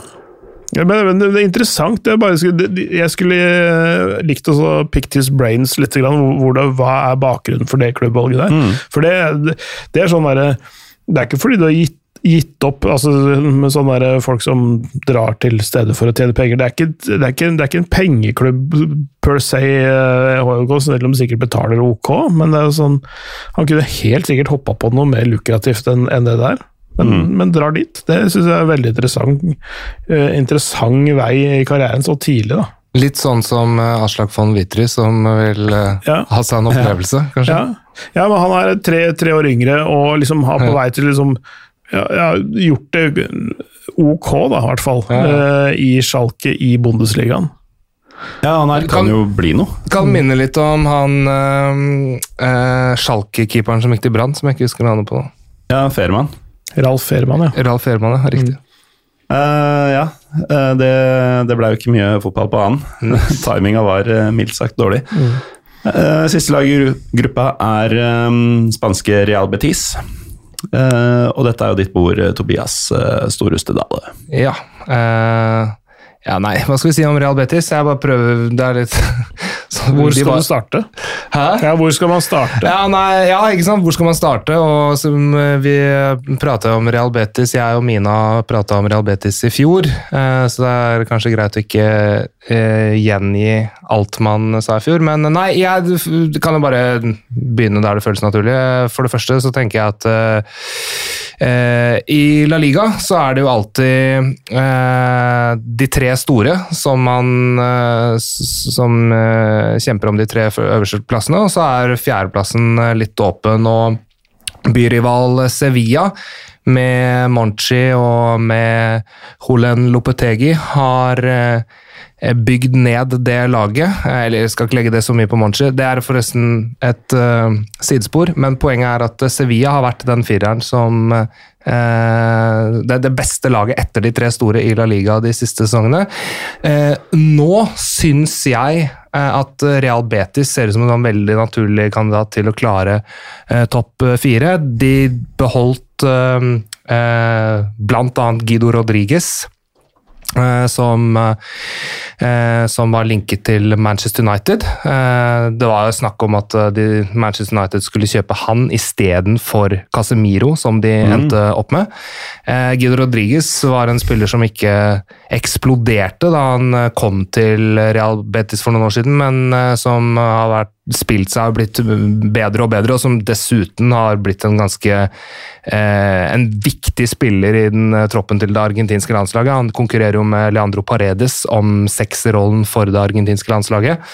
Og ja eh, En av de bedre spillerne der. Så har du også Så har du også Nabil Fikir, som jeg egentlig er en litt sånn Som du kjenner godt, Pål Thomas, som er en en unsung hero. Det er mange som ikke er klar over hvor god han faktisk er, men Nabil Fikir er en av de aller beste spillerne i La Liga. Og en av de aller flotteste spillerne å se på.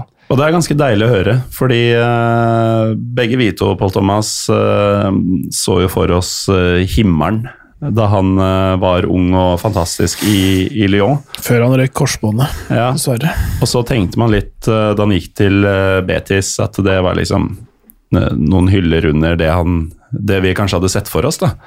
Men eh, han har jobba seg opp og er nå mm, mer eller mindre det man drømte om at den skulle bli. Ja, jeg syns han er en stjernespiller i La Liga på Om ikke på lik linje, men i hvert fall uh, Han trekkes frem uh, i samme åndedrag som de store stjernene i Barcelona, Real Madrid, Atletico Madrid. Eh, så syns jeg også Real Betis har Det er en, en To favoritter har de mistet. Altså, for, å si det først, da. Real Betis jeg synes de har klart seg ganske bra på overgangsmarkedet. De har ikke mistet noen uh, viktige spillere, men de har mistet to spillere som jeg holder veldig na, uh, altså Som jeg har veldig stor forkjærlighet for, da, og det er uh, Christian Theo, som eh, jeg hadde veldig store forventninger til da han var eh, ung gutt og spilte for La, Masia, eh, Barcelona-akademiet, og eh, Diego Laines. Eh, den eh, meksikanske Messi, som han ble kalt da han ble hentet til Real Betis, men som ikke har klart å eh, slå til. Men eh, nei, Real Betis eh, eh, De har aldri kommet seg lenger enn til åttendelsfinalen i Europaligaen, eh, men de har tatt store steg under eh, Pellegrini, så jeg tror eh, absolutt at eh, kanskje de, de har store, gode muligheter til å slå den rekorden i år, i hvert fall. Ja, For å gå videre fra gruppespillet her bør være en veldig smal sak. Ja, det er jeg helt, faktisk helt overbevist eh, om, eh, om at de gjør. Vinner de, eller? Gruppa? Um, Jeg kan si at HJK vinner ikke. Eh, ganske sikker på at Ludo Goretz ikke gjør det heller, selv om de har uh, Aslak von Witry. ja. Men uh, Betis eller Roma? Altså, det, er, det, er, det, er, jo altså mm, Alt kan skje i fotball, ballen er rund og alt det der. Men uh, det er klart at Real Betis og Roma er klare. Jeg holder de som mm, noenlunde jevngode. Mm. Hvis jeg må gjette uh, førsteplass på en av dem, så blir det Real Betis. Det, det, det, er noen grupper som er sånn det er vanskelig å vurdere styrkeforholdene. Du, du, du ser, det, det, er en glideskala mellom lagene, og sånne ting, men her er det en veldig sånn todelt gruppe. Ja. Mm. Uh, ja, den, to, første i sitt slag så langt i kveld. Ja, egentlig. Eh, hvor det er en, to helt tydelige og veldig mye bedre lag enn resten. Mm. Uh, jeg, jeg, jeg, har ikke fått sett nok Real Betis, faktisk, men det, det er ku, mange kule spillere. Altså Borja Glesias og sånn. Altså, jeg syns det er mye, mye bra Spill, ja. ja. Mye bra spill der. Litt aldrende midtbane, så det er ikke sånn, sånn, der må det jo skje ting uh, på litt sikt, da. Men, uh, men, men det er ikke nå, med en gang. Jeg, jeg, jeg, men jeg tenker Roma på førsteplass, egentlig i mitt hode, og så Real Betis på andre. Mm. Ludogores på tredje og HJK på fjerde. Det er sånn, tenker jeg, da. Eh, uansett hvem av disse to som kommer på andreplass, så vil de jo antagelig kunne hamle greit opp med eh, andreplassen fra Conference i, eh, i, denne kvaliken til eh, Nei, vent, da. De skal møte Å, oh, nå, nå var det bra du så rart på meg, Tobias. De skal møte toeren i Champions League, ja. så det betyr ganske Tre. mye å bli nummer eh, treeren i Champions League. Mm. Nå begynner det, vet du. Vi skal gjennom fem grupper til. Bare vent, bare vent. i gruppe G, da blir det rør. Da blir det seigt. Da begynner det. Vi prøver oss på gruppe D mm, mens, mm, mens kvelden fortsatt er ung, og mm, tar oss en velfortjent pause etter det. Eh, Braga, Malmö, Union og Union. Mm. Og dette er uh, for meg det stikk motsatte. Her aner jeg ikke styrkeforholdet. Nei, den er åpen. Um, Braga er jo altså, De er på en måte det portugisiske Ludogorets. De, de er alltid i den turneringa her. Ja. Um, og vi sier alltid det samme. Eh, det er eh, dette sinnssykt kule stadionet. Det er um, den faste fireren i, i, Portugal, altså det beste laget utafor Holdt på å si uh, Lisboa, men uh, ta også med FC Porto i den. Ja. Uh, ønsker vi egentlig å si noe særlig om, om det sportslige, annet enn at det er veldig lett for folk å bare undervurdere dem fordi det ikke er et sexy klubbnavn, på en måte. De er alltid bedre ja. enn folk tror. Ja, det er helt klart. Det, og jeg tror folk undervurderer den portugisiske ligaen, ja, egentlig. I hvert fall sånn utenfor de topp tre, da. Mm. Eh, det, det er de som hadde Stian Ringstad, var det det? Ja, han spilte, han spilte i Braga. Det er riktig, det. Uh, spilte og spilte. Men, ja, han, var han, han var kontraktsfest til å møte opp på trening, i hvert fall. Men, men, men, men så, så rent bortsett fra det, så, så, er, så, er, det jo mye bra som kommer fra Portugal, som ikke kom fra de tre store klubbene òg. Mm. Ikke sant? Uh, og det er, igjen, det er, jo en, det er jo en glideskala også i Primærliga hvor, hvor liksom er, du har en naturlig topp uh, og en bunn, men det er jo, det er jo det er ikke veldig mye Altså I gode sesonger så er de oppe og nikker på en tredjeplass, ikke sant? Mm. Uh, men med færre ressurser, da. Ikke sant? Det er jo det, litt det som er greia. Men, men, ja. Eh, Færre, men etter hvert ganske gode ressurser. For ja. de drar inn disse europapenga hvert jævla år. Mm. Og så må man huske på altså, det som ofte er eh, altså, Braga er jo et lag som har masse spillere på det portugisiske U-landslaget. Og nå hadde du Spania, Spania hadde en periode, et uh, altså, ungdomslandslag som var helt der oppe. Men de siste årene så har Portugal, Frankrike, kanskje England, Tyskland også, og Spania selvfølgelig, vært, uh, gjort det veldig bra på U-landslagsnivå. Og Braga har jo en, en spiller, Roger Fernandes, for eksempel, da, som går for å være en av de beste 2005-modellene i verden. Uh, så de spillerne der oppdager man kanskje ikke før de forsvinner fra Braga. Mm. men det å ha klippekort som Portugals fjerde beste lag, det bør jo si sitt om kvaliteten. Det er nettopp det det gjør. Um, Hva kan du si om Abel Ruiz, forresten? Som er en uh, eks Ja, jeg kjenner han godt, jeg. Ja, ja. Hva, Hva, hva kan du si om han? Han er jo der, i Braga. ja, nei, jeg tror vi prata om han forrige sesong, eh, eller Mm. for, forrige podkastepisode, eller forrige Europaliga-gjennomgang også. Eh, nei, Abel Ruiz er, mangler fysikk og fart, og egentlig ja, Det meste. ikke Ja, jeg syns ikke han jeg har ikke hatt noe særlig trua på han. Synes det er litt rart faktisk at Han har Han har blitt hausa veldig opp. da. Han var liksom, Det var snakket om han at han skulle inn og fase inn Suarez, Luis Suárez altså, i Barcelona. Men jeg har aldri sett det helt store. Han eh, mangler noen centimeter og mangler litt speed og mangler litt fysikk og mangler litt killerinstinkt og ja, i det hele tatt.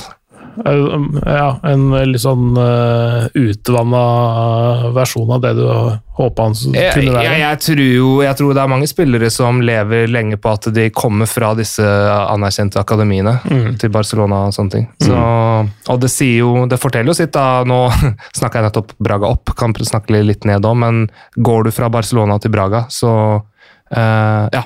Det er Ja. et steg ned. her også finnes det mellomting, på en måte. Ja, ja, ja. Det er, eh, det er et klart steg ned. Mm.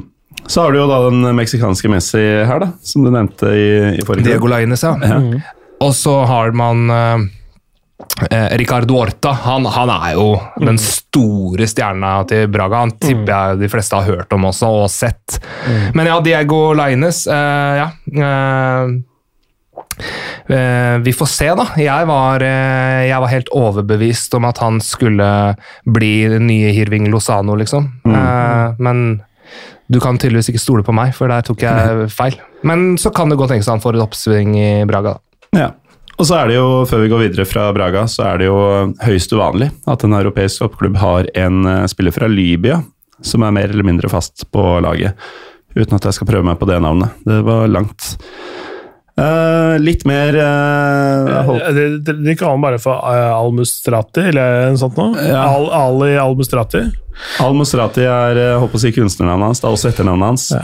Uh, men Al-Muata Zemballa. ja, det, Ali Mohammed. Al-Mustrati. Um, litt enklere kår har vi når vi skal gå gjennom Malmö FF.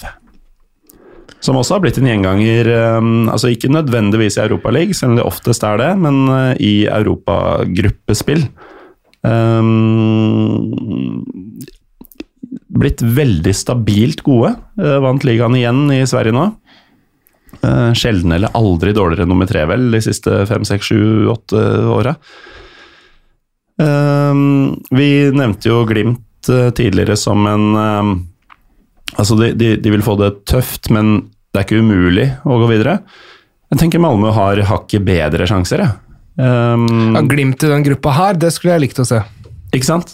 Hadde de to bytta plass, så hadde det blitt veldig interessant eh, sett med nordnorske øyne. Mm. Um, Norske øyne. Nordnorske øyne.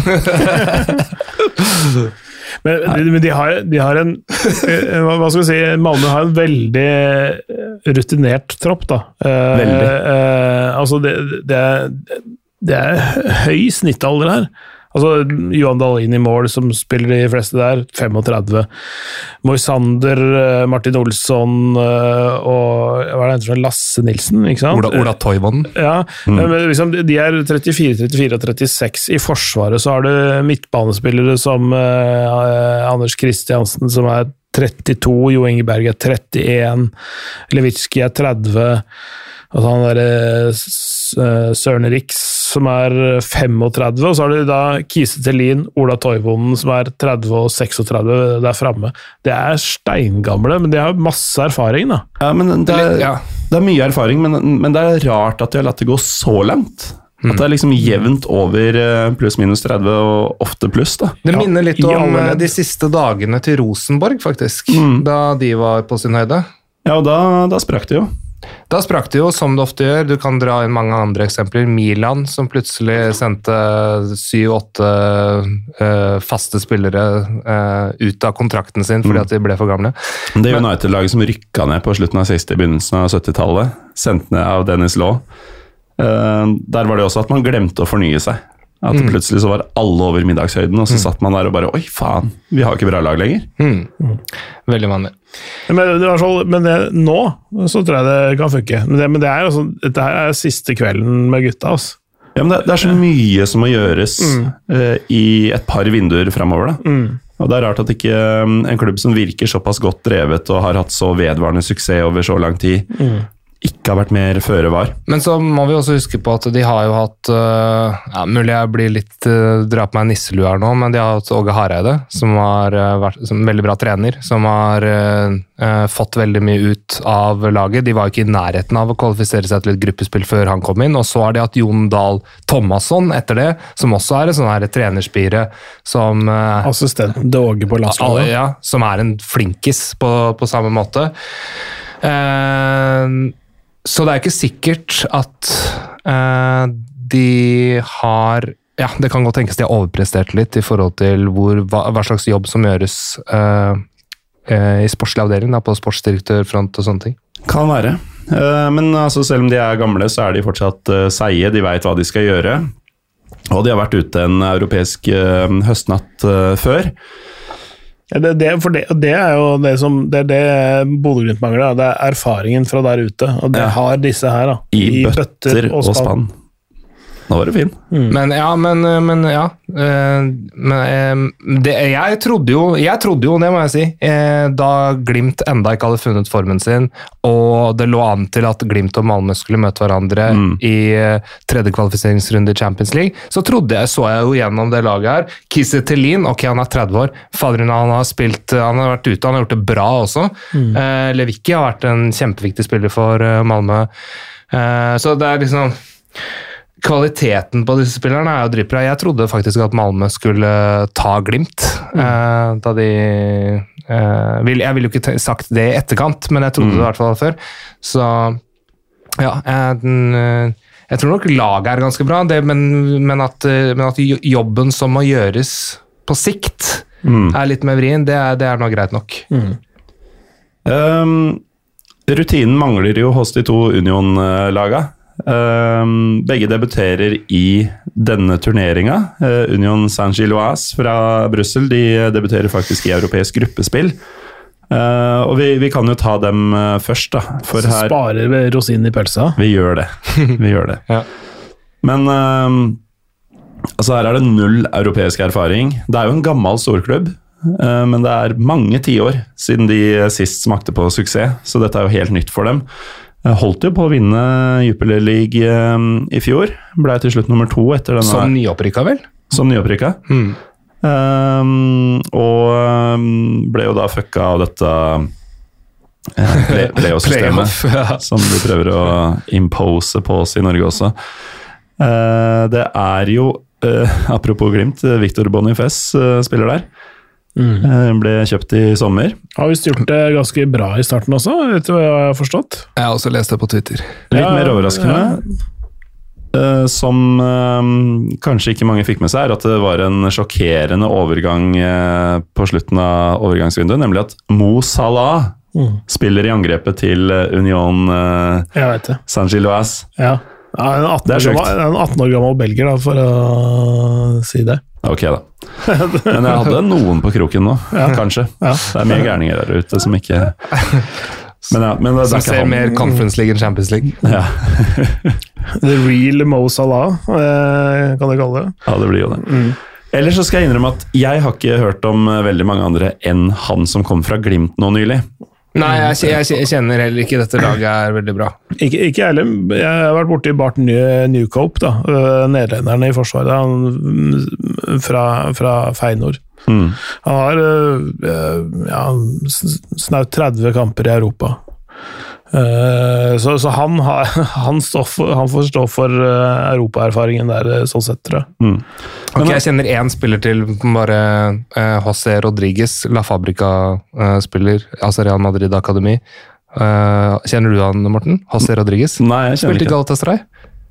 Han eh, José Rodriguez. Ja, ja, ja. Ja, nei, da, da henger jeg litt med. Jeg bare sover så stallen deres nå. Det var egentlig det jeg klarte å plukke opp. Men de hadde jo et helvetes spisspar i fjor med han eh, Dennis Undav. Sånn apropos eh, tyrkiske linker. Han eh, gikk vel til Brighton, tror jeg, nå i sommer. Eh, så han er borte.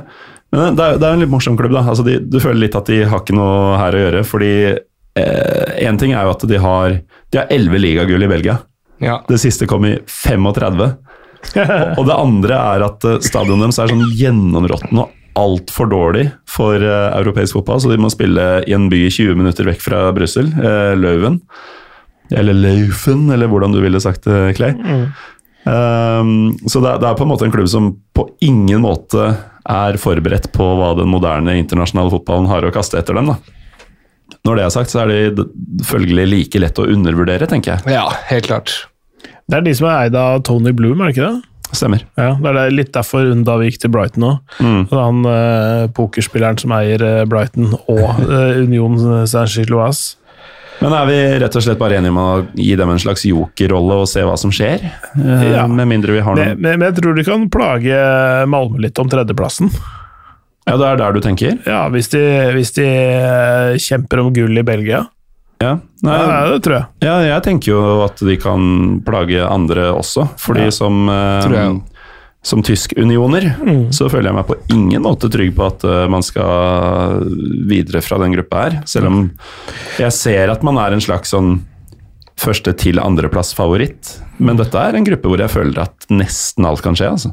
Jeg tror jo Det som er veldig synd for Union, da, det er at de spiller så bra. Og Det som alltid gjelder for tyske klubber, da, det er at uh, tyske klubber som har gjort det bra i Bundesliga, godt nok til å kvalifisere seg til Europacup-sesongen etterpå mm. uh, Den Europacupen kommer alltid som julekvelden på kjerringa. Da ja. har de ikke bred nok tropp til å få til det. Og det som er synd om Union, er at de gjør det vanvittig bra i eh, Bundesliga. Mm. Har de mannskap til å kjempe på To fronter er ja. det store spørsmålet. Og det så vi jo i fjor, for da, da kom det jo som, eh, altså, som lille julaften på kjerringa. Det kom enda bråere. De var jo helt sjanseløse i det som egentlig var sånn relativt overkommelig gruppe, på papir i hvert fall. Um, men nå har de jo da opplevd det. Um, de har dette ene året med erfaring, som også Glimt har, som jeg tror kan bety ganske mye. Det er veldig lite Uh, som kan sjokkere i samme grad som de gjorde for et år siden. Uh, og så er det jo kanskje den aller største fordelen her, da, er at de måtte jo spille på Olympiastadion i fjor. Fordi uh, stadionet i skogen, det har jo Av de 22 000 pluss plassene, så er det jo bare 4000 sitteplasser. Det vil si at det er 18 000 rene ståplasser der, og det har jo ikke Uefa godtatt i det hele tatt. Det visste man jo da. Og man har egentlig bare antatt at det alltid ville være sånn. Så man eh, måtte jo da dra til Hertas hjemmebane langt, langt vest i byen. Uh, kledde den så rødt man klarte, men det ble jo aldri en ordentlig hjemmebane. Uh, og det var fortsatt litt koronarestriksjoner og sånn også. Nå er det et prøveprosjekt hvor klubber fra de jeg tror det er de fem største ligaene, eller fem topprangerte ligaene, uh, de kan tilby ståplasser Eh, etter safe standing-prinsippet, men da etter eh, det gjeldende lands definisjon av hva som er safe standing. Så du må ikke ha den der eh, som du har på, mm, på tribunen til klanen, som jeg tilfeldigvis så på nært hold i går. uten at det, ja. Du må ikke ha det der overdrevne tettheten av gjerder og, og sånne seter som kan foldes ut og sånn. Det kan være en rein ståtribune, så lenge i dette tilfellet da tyske fotballmyndigheter godkjenner det i sin liga. Så det betyr at Union kan spille, og kommer til å spille sine hjemmekamper nå, i skogen, på sin hjemmebane, for fullt hus. Eh, det kommer til å gjøre enormt mm. mye. Og i kombinasjon med det at de har eh, prøvd seg i fjor, og at troppen er Altså kvalitetsmessig så er det vanskelig å si at man har dobbel dekning overalt. Men man har konkurranse i de aller fleste plasser, eh, sånn at man til en viss grad i hvert fall kan rotere en del. Uh, så er det selvfølgelig klasseforskjell på å si Morten Thorsby og ja, Nå kommer jeg ikke på hva som ville vært et dårlig alternativ eh, der, men, uh, men det er jo ikke sånn at du har reell konkurranse på mange plasser. Um, spissplass spesielt, kanskje. Der er det veldig stort gap fra Becker og Siebachu, som starter til vanlig, og uh, Toykjert og Levelling, da. Som, nei, ikke Toykjert, men eh, uh, han sværingen med sveisen, som jeg ikke kommer på navnet i farta. Berens. Mm. Uh, der er det veldig Altså, der, der, må du ha de to faste, skal du få til noe som helst. Men i Midtforsvaret så vil jeg si at det er sånn typ fem spillere som kjemper om de tre plassene. Uh, Ryerson er en reell konkurrent til begge bekkene. Og har spilt omtrent alle kampene fordi han er såpass Han har spilt, han har spilt veldig mye i det siste. han. mm. Men hovedsakelig gjort det på ganske bra, har jeg hørt. Gjort det veldig bra. Hæ? Men uh, spilt mer på venstre da, uh, enn høyre, som egentlig er hans posisjon. Uh, man har jo venta på at Kristoffer Trimmel eh, skal dankes, eller fases ut, og at Ryerson skal overta på høyre der, men han, han blir jo ikke eldre, selv om han blir gammel. Eh, så det lar vente på seg. Bare spør Kingsley Coman da, hvordan, hvordan det er å spille mot Ryerson. Mm. Han var jo ganske god i helga, ryktes det. Koman eller Ryerson? Ryerson. Ja. Nei, han har vært eh, dritbra. Eh, Kollega Eivind eh, sa at vi måtte sjekke lommene til Ryerson på vei ut av stadion, for der, der befant Kingsley Koman seg. Ja, det, Fullt så ille var det nok ikke, men, eh, men han spilte en veldig bra kamp og har gjort det flere ganger på den venstrebekken. han er jo, han er jo offensiv også, nesten i større grad når han spiller på feil side. For han, han vil inn og skyte. Ja, ja, fordi det ja, ja. Så jeg er ikke så bekymra for det aspektet du nevnte, Tobias.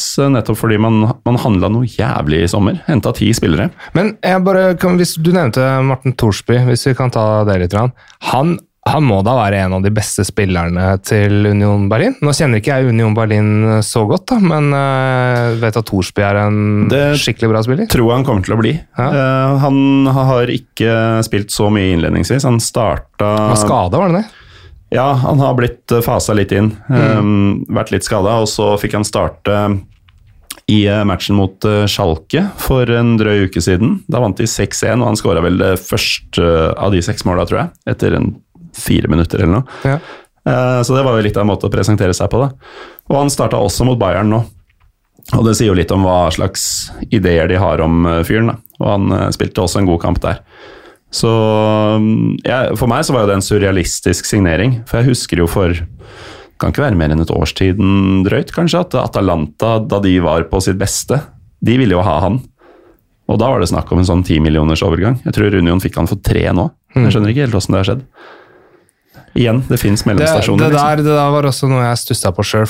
Morten Thorsby var jo ønsket, eller angivelig, da, ifølge diverse medier, ønsket av eh, Inter ble nevnt, Lazio ble nevnt, Atalanta ble nevnt, og de prisene som ble nevnt, var jo helt eh, vanvittige. Mm. Det var snakk om sånn, jeg husker ikke, var det 30 millioner euro eller noe? Det var, kanskje det var såpass, ja. ja, det tror det, var, det var veldig, veldig mye penger det var snakk om. Og så plutselig, så nå i sommer, så ble han linket til en overgang til Salernitana, hvor Ja. Bonazzoli skulle være en del av den overgangen, og det var snakk om ja, fem millioner, eller nei, ti millioner, jeg husker ikke, ti millioner for begge to, eller noe sånt. ting. ja. Så Nei, noe, noe har skjedd der, og for meg så er det første gang jeg føler sånn ordentlig at Union har henta en spiller over sin naturlige hylle. da. Mm. Sånn, nå er Union faktisk å regne som et etablert eh, øvre Bundes- halvdel-lag Ja, ja, i. Bundesliga Ja. som spiller litt Europa. Og det er en veldig merkelig følelse å forholde seg til. ja, ja, Det er også den uh, Det har gått ganske fort, da. ja, sånn Det det fort. De, gikk, de rykka opp, og så var de i Europacup, liksom. Ja, ja, det var én sesong hvor man endte på sånn typ tolvteplass eller noe sånt. Og så har det vært Europa to ganger på rad siden. Og man har heva seg litt på tabellen, eller mye, fra første i andre året. Og, Mm. litt Og nå ligger de foran til Nå. Det er vanvittig. Og ikke bare det, men i den sekspoengskampen mellom dem, så klarer de faktisk å unngå tap. ja, og tok ledelsen. Mm. En annen litt merkelig følelse jeg har nå, er eh, presset på blæra. Jeg tipper at det ikke bare gjelder meg. Så vi kjører et eh, tabelltips til eh, gruppe D. En eh, i mine øyne veldig åpen gruppe hvor Braga kommer til å ta en av de to første plassene. Hvem tar den andre? Union Berlin. Ja, det, jeg tenker den er ganske klink, men jeg tenker eh, Altså, Union Berlin vinner gruppa, Braga på andreplass. Eh, Royal Union Saint-Gilloise på tredje og Malmö på fjerde. Jeg er helt enig med Pål Thomas. I alle dager. Jeg er helt sikker på at Braga vinner, og håper Union tar andreplassen. Eller du håper de havner på tredje, så de kan spille conference. ja. å vinne den. Det er sant. Det beste jeg kan håpe på, er egentlig tredjeplass. Ja. Det, det fikk de jo i fjor, men da var det i conference, og da var det ikke noe mer. Eh, takk Pål Thomas Clay og Tobias Storhusted Dale for at dere var med i del én. Dere kommer også til å være med i del to, som lytterne kan høre enten senere i dag eller i morgen. Litt avhengig av hvordan teknikerne her på Moderne Media jobber. Takk til deg som har hørt på. Vi er PyroPivopod på PyroPivopod på Twitter og Instagram, og vi høres straks med del to.